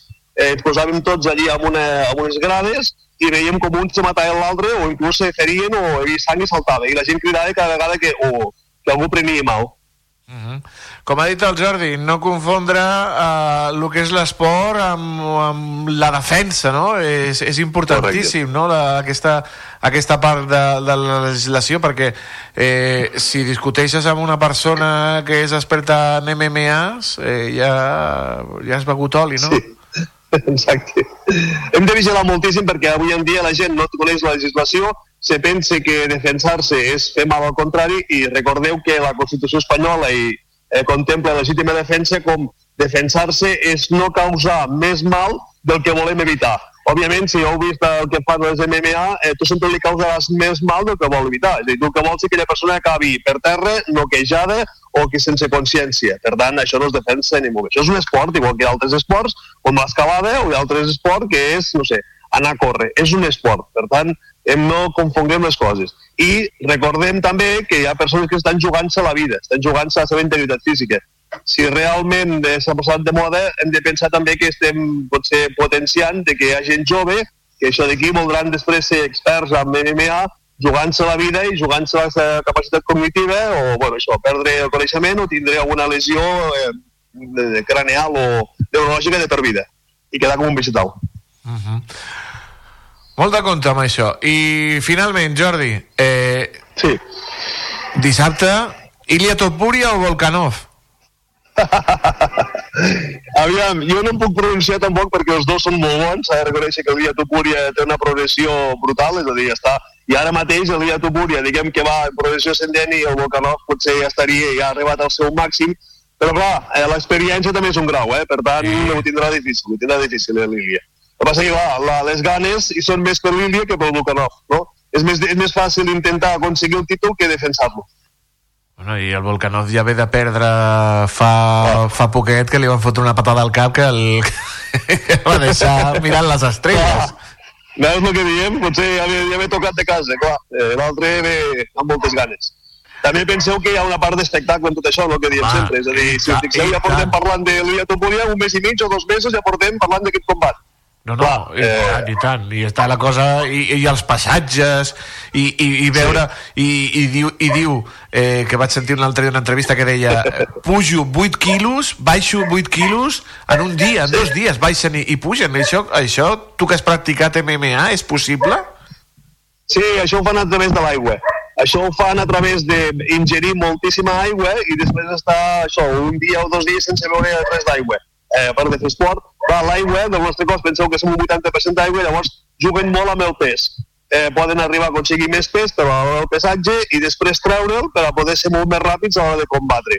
Òbviament, jo no he participat mai mai en combats, només he practicat les arts marcials sense arribar a ser ni professional ni tal, però clar, ja està el que diem, són els deportistes d'èlits que posen el seu cos al límit i això, com sempre, passa factura, eh? Després amb els anys acaba passant factura.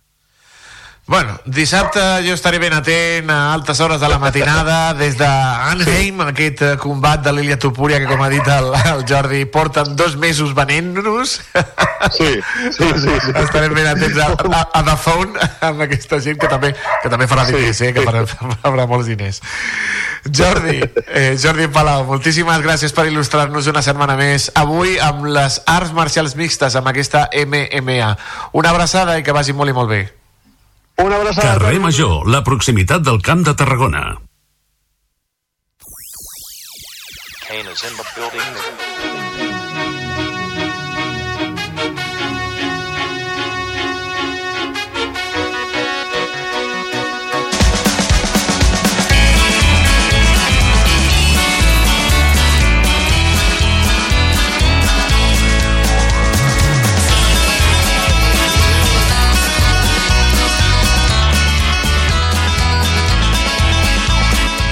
Se'ns està colant aquí la sintonia...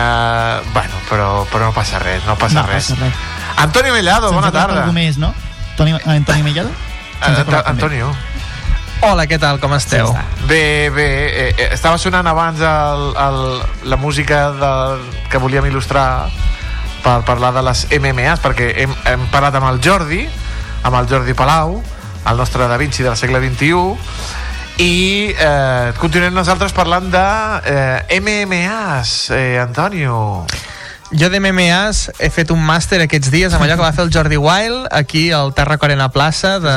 Dogfight no sé què però fins ara fin, exacte, fins abans no sabia no en tenia ni idea del que era Toni Mateos Bueno, pues aquí està l'Antonio per il·lustrar-nos. Ara té un guió fantàstic. Sí, i tant. Per què? Per què parlem d'això? Doncs perquè Alexander Volkanovski i Ilia Tupuria s'enfrontaran el dissabte en la baralla principal de la UFC 298 aquesta United Fighting Championship en la que el títol de pes ploma de l'australià estarà en joc, el de Volkanovski. Aquest 17 de febrer a l'Onda Center d'Anaheim, als Estats Units, famós per ser la casa de Mickey Mouse, Anaheim, Volkanovski tornarà a la divisió de les 145 lliures al pes pluma per defensar el seu títol per sisena vegada. The Great està invicta en la divisió i actualment té una ratxa d'11 triomfs consecutius en pes ploma a la UFC, que és la ratxa de victòries actives més llarga de la divisió i la segona més llarga de tots els temps darrere de Max Holloway, que en té 13. Ilia Topuria és un rival que té 14 baralles invicta i 6 d'aquestes victòries les ha aconseguit en UFC. I davant Volkanovski, el lluitador hispa, hispà georgià buscarà convertir-se en el primer campió mundial d'Espanya. En la seva última baralla eh, contra Josh Emmett, el matador, que és com quan es coneixen a Ilia Topuria, va demostrar que la seva carrera està a l'alçada de les millors de la divisió en el seu primer esdeveniment principal de la UFC. Les grans habilitats amb les quals compten tots dos lluitadors fa difícil predir un guanyador eh, en aquest combat per la qual cosa es pot esperar qualsevol eh, cosa que succeeixi en l'octàgon, però nosaltres apostem per Ilia Topuria, sempre, sempre, sempre. Volkanovski té 35 anys i ho ha aconseguit tot a la UFC, però ve de perdre el seu darrer combat per KO. Menys mal que no estava el títol en joc, eh? Topuria, per altra banda, té 27 anys i és jove, ambiciós i té encara molt per demostrar. Tots dos arriben en un estat de forma, això sí, excel·lent, però Topuria sembla més mentalment més preparat per la victòria. Però anem amb els números. Vinga, va. Aleix, que ja saps que ens agrada aquí els tonis. I tant, Eh? Quan creus que guanyarà cada lluitador, Aleix? Home, més de 10 dòlars segur. I jo crec que milions? Al, alguns milions, no? O no? Mm. Mira, per la seva participació en la batalla, Volkanovski s'embutxacarà un milió 42.000 dòlars. Mare meva, que jo Dividits. també em pego. Jo també em pego per un milió. bueno, però, Home, a veure, jo no sé molt- si donaries tant espectacle, eh? No, No, es peguen fort, eh, l'MMA, que no és una cosa... No és una cosa que, que és un milió d'euros, de dòlars, posaria a però... córrer donant voltes per l'octàgon així, que no m'enganxi. Sí, sí, ja pots córrer, ja pots córrer. Un milió 42.000 dòlars, un milió de salari base i 42.000 en incentius. Dona igual el resultat, ell s'emportarà aquests diners. No està gens malament. Per la seva banda, el matador Ilia Topuria guanyarà 532.000 dòlars, amb un salari de mig milió de dòlars i un incentiu de 32.000, que tampoc està gens malament, tu. I quan serà la cita? Doncs la matinada de dissabte a diumenge. Aquí, a l'estat espanyol, es viurà un dels moments més especials en la història d'aquest esport. Per primera vegada, un lluitador espanyol, tot i que va néixer a Geòrgia, però viu a Alicante des dels 15 anys, es pot proclamar campió de la UFC. A les 6 de la matinada. Bé, és una bona hora. T'aixeques... Surts veus de la- festa. La... O vens de festa. Exacte, si és la matinada de dissabte a diumenge, et pot agafar venint de festa, Toni. Ens Eh, pot agafar venint. A vosaltres, sí. que sou joves. A mi sí, Ah, jo no, surto sí, aquest dissabte, o sigui que potser un xurros, no? I... Xurros i, i UFC. El lluitador té per davant un gran repte de ser el primer atleta tant de Geòrgia com d'Espanya per, eh, per proclamar-se campió del món dins d'aquest gran univers. Malgrat la confiança que ha demostrat en les setmanes i mesos previs a la batalla, no tindrà fàcil perquè Volkanovski serà el rival més dur al qual s'hagi enfrontat mai. Encara que és difícil estimar quants diners ha guanyat Ilia Topuria al llarg de la seva carrera a la UFC, sí que podem afirmar que és el lluitador que ha trigat molt pocs anys a fer una autèntica fortuna i aquesta promet anar creixent exponencialment en els pròxims anys, sobretot si guanya en unes hores a Volkanovski. En poc més de tres temporades, la seva fortuna, arran dels seus guanys esportius, se situa, se situa a prop del milió i mig d'euros.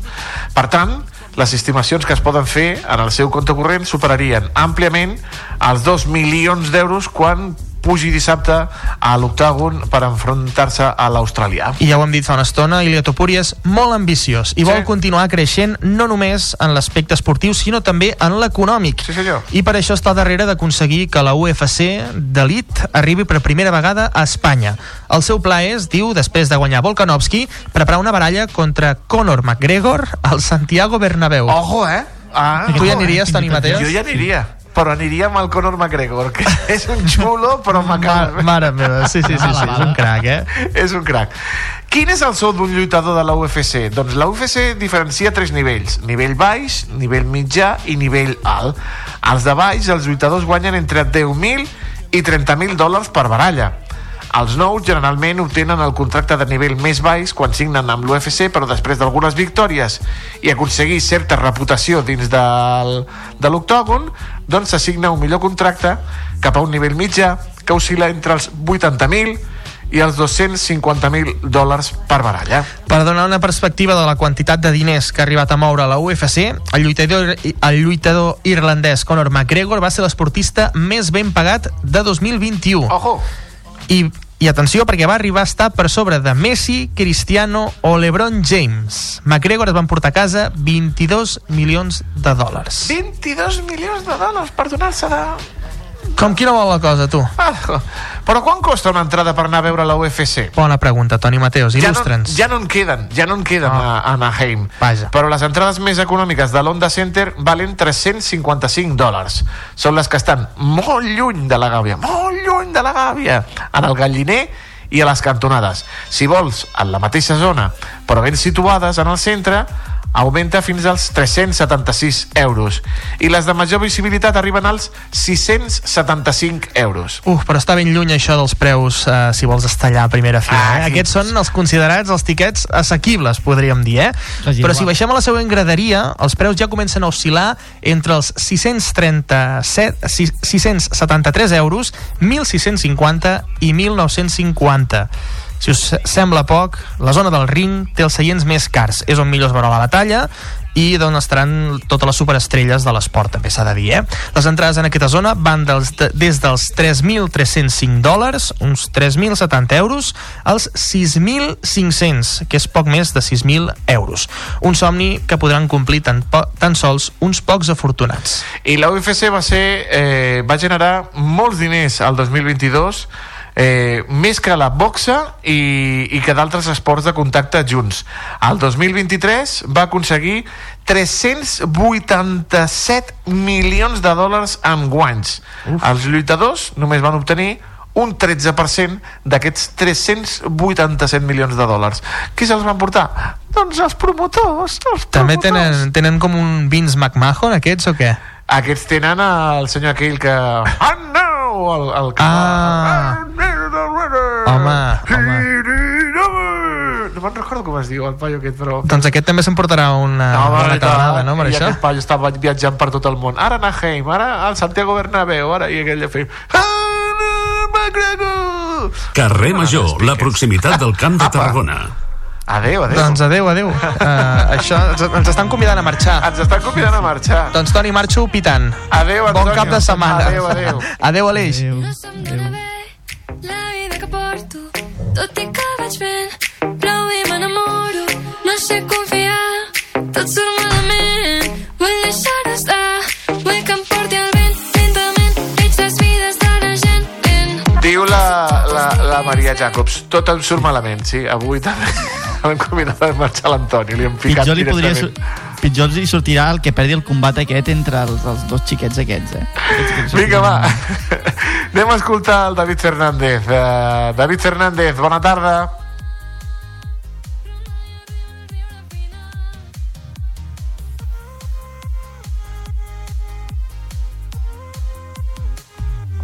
No vol parlar el David? David, no. Crec que avui... No sé. L'has fet algú tu, Toni? No li he fet res, t'ho prometo. Jo tampoc. O sigui, jo he parlat amb ell fa una estona, però no, no ha donat indicis de d'estar enfadat amb mi. Espero que, que ens ho perdoni. El que sigui que l'haguem fet.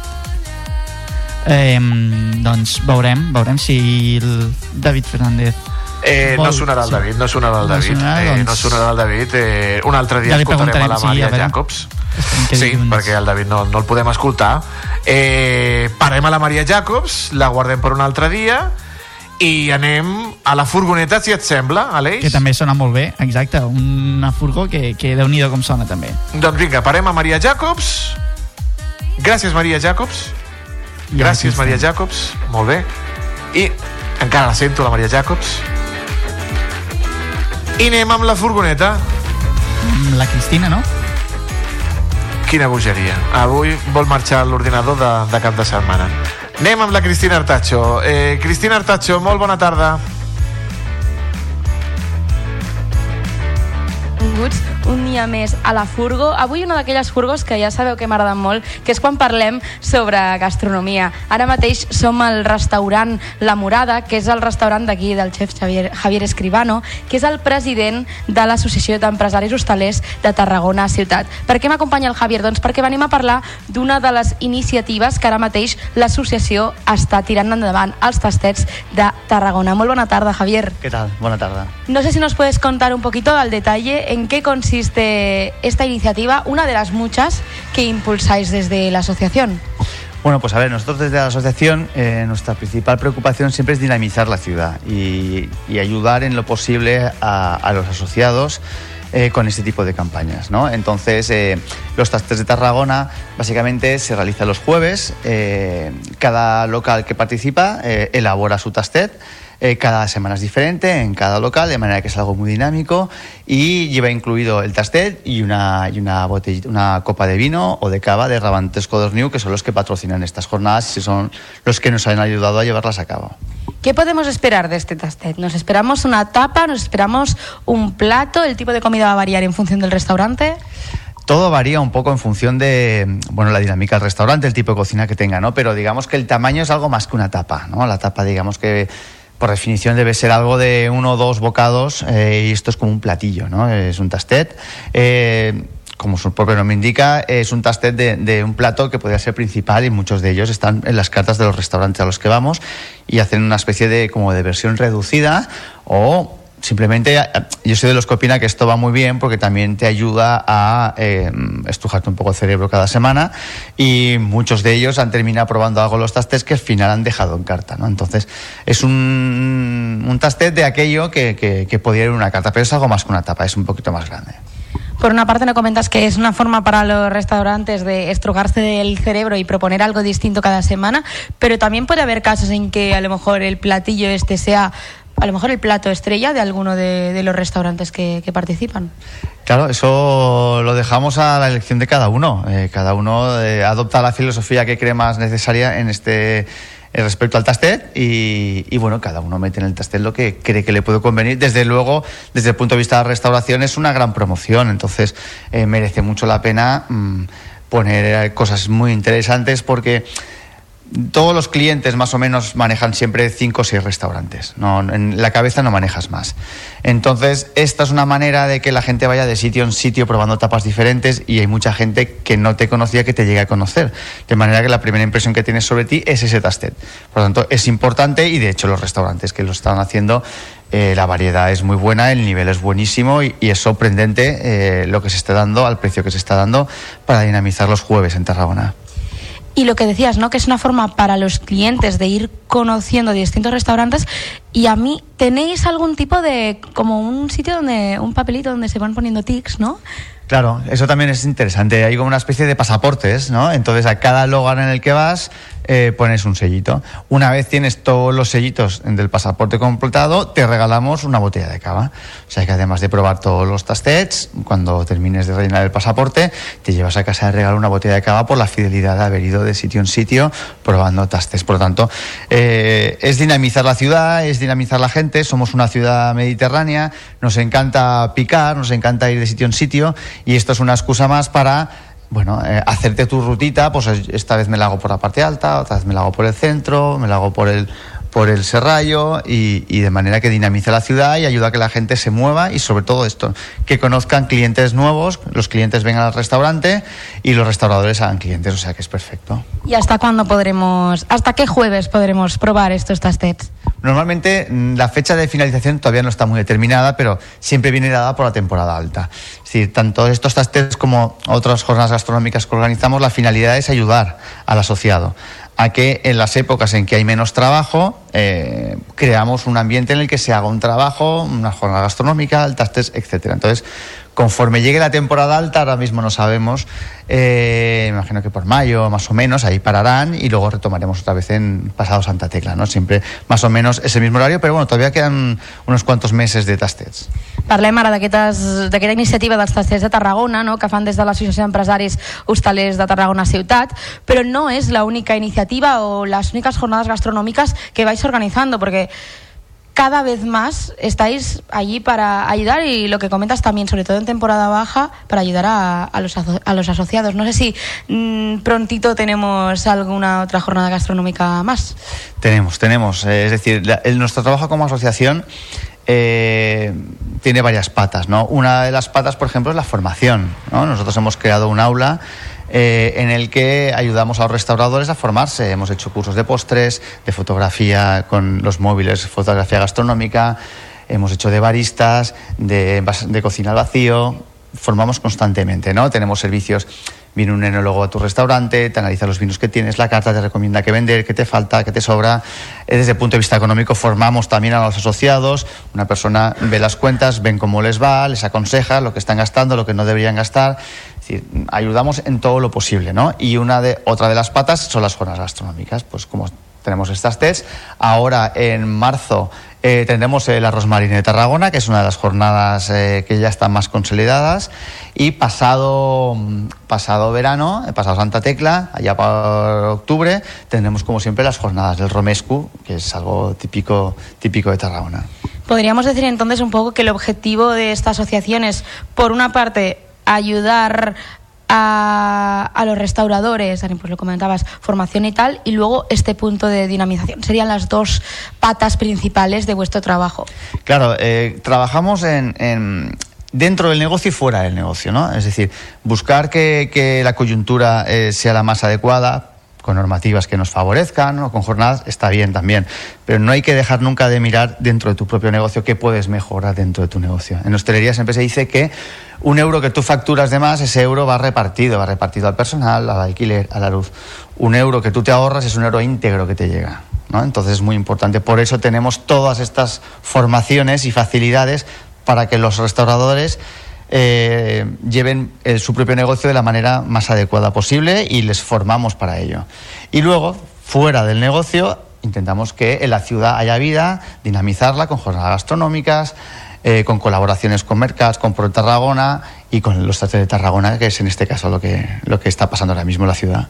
Doncs ja ho sabeu, l'Associació d'Empresaris Hostalers de Tarragona Ciutat, molt present a la ciutat, ajudant per una banda els restauradors, dinamitzant la ciutat, eh, fent jornades gastronòmiques, fent que coneguem la, la gastronomia d'aquí, d'aquí d'aquí de Tarragona. Moltíssimes gràcies al Javier Escribano, el president de l'associació. A ti, a ti, muchas gracias. I res, jo ja m'he quedat amb aquesta idea de les jornades de l'arròs mariner, que són ara el mes que ve. Ja veurem si ens retrobarem en una propera furgo per parlar d'això, que bueno, aquí no li agrada un arròs, no? Espero, espero. Además, eh, hay- hay pocas cosas tan tarragoninas como el arroz mariné, que tenemos Puerto, que tenemos el Serrallo y que es algo muy, muy, muy nuestro y que toda la ciudadanía tiene que apoyar yendo a los restaurantes, visitarlos y disfrutando de la gastronomía propia, claro.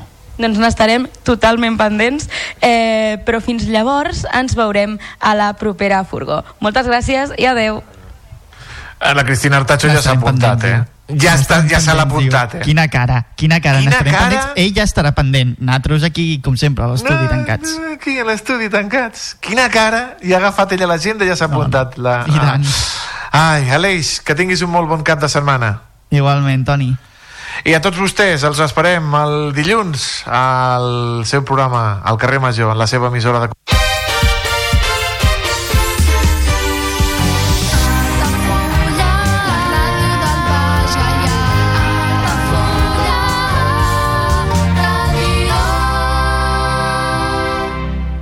Ja coneixes les propostes que t'ofereix el Club Marítim Altafulla?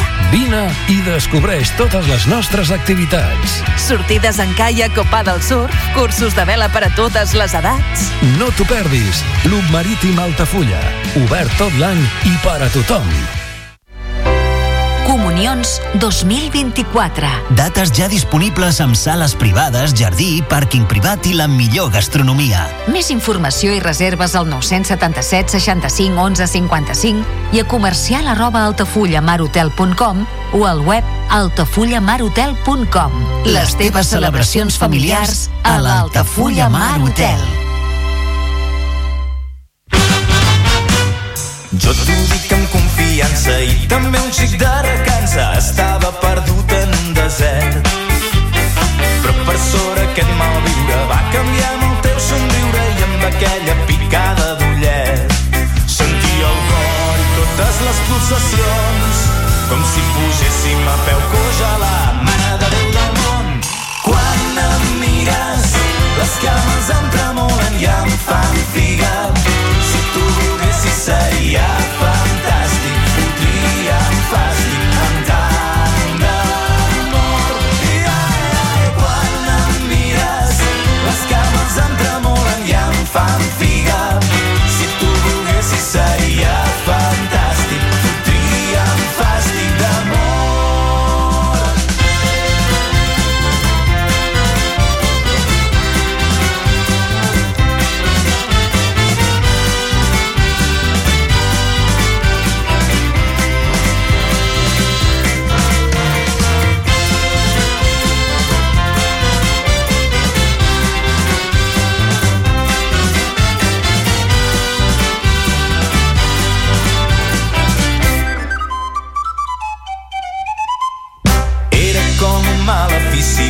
sense cap desfici i anar pel món fent el noruec. Vaig acabar la condemna, va ser en llocs diví solemne, veure't ballar amb reggae a la ple. Sentir el cor i totes les pulsacions, com si poséssim a peu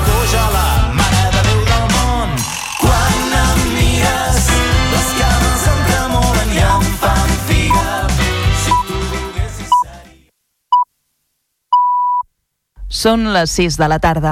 Les tardes d'Altafulla Ràdio, la ràdio del Baix Gaià.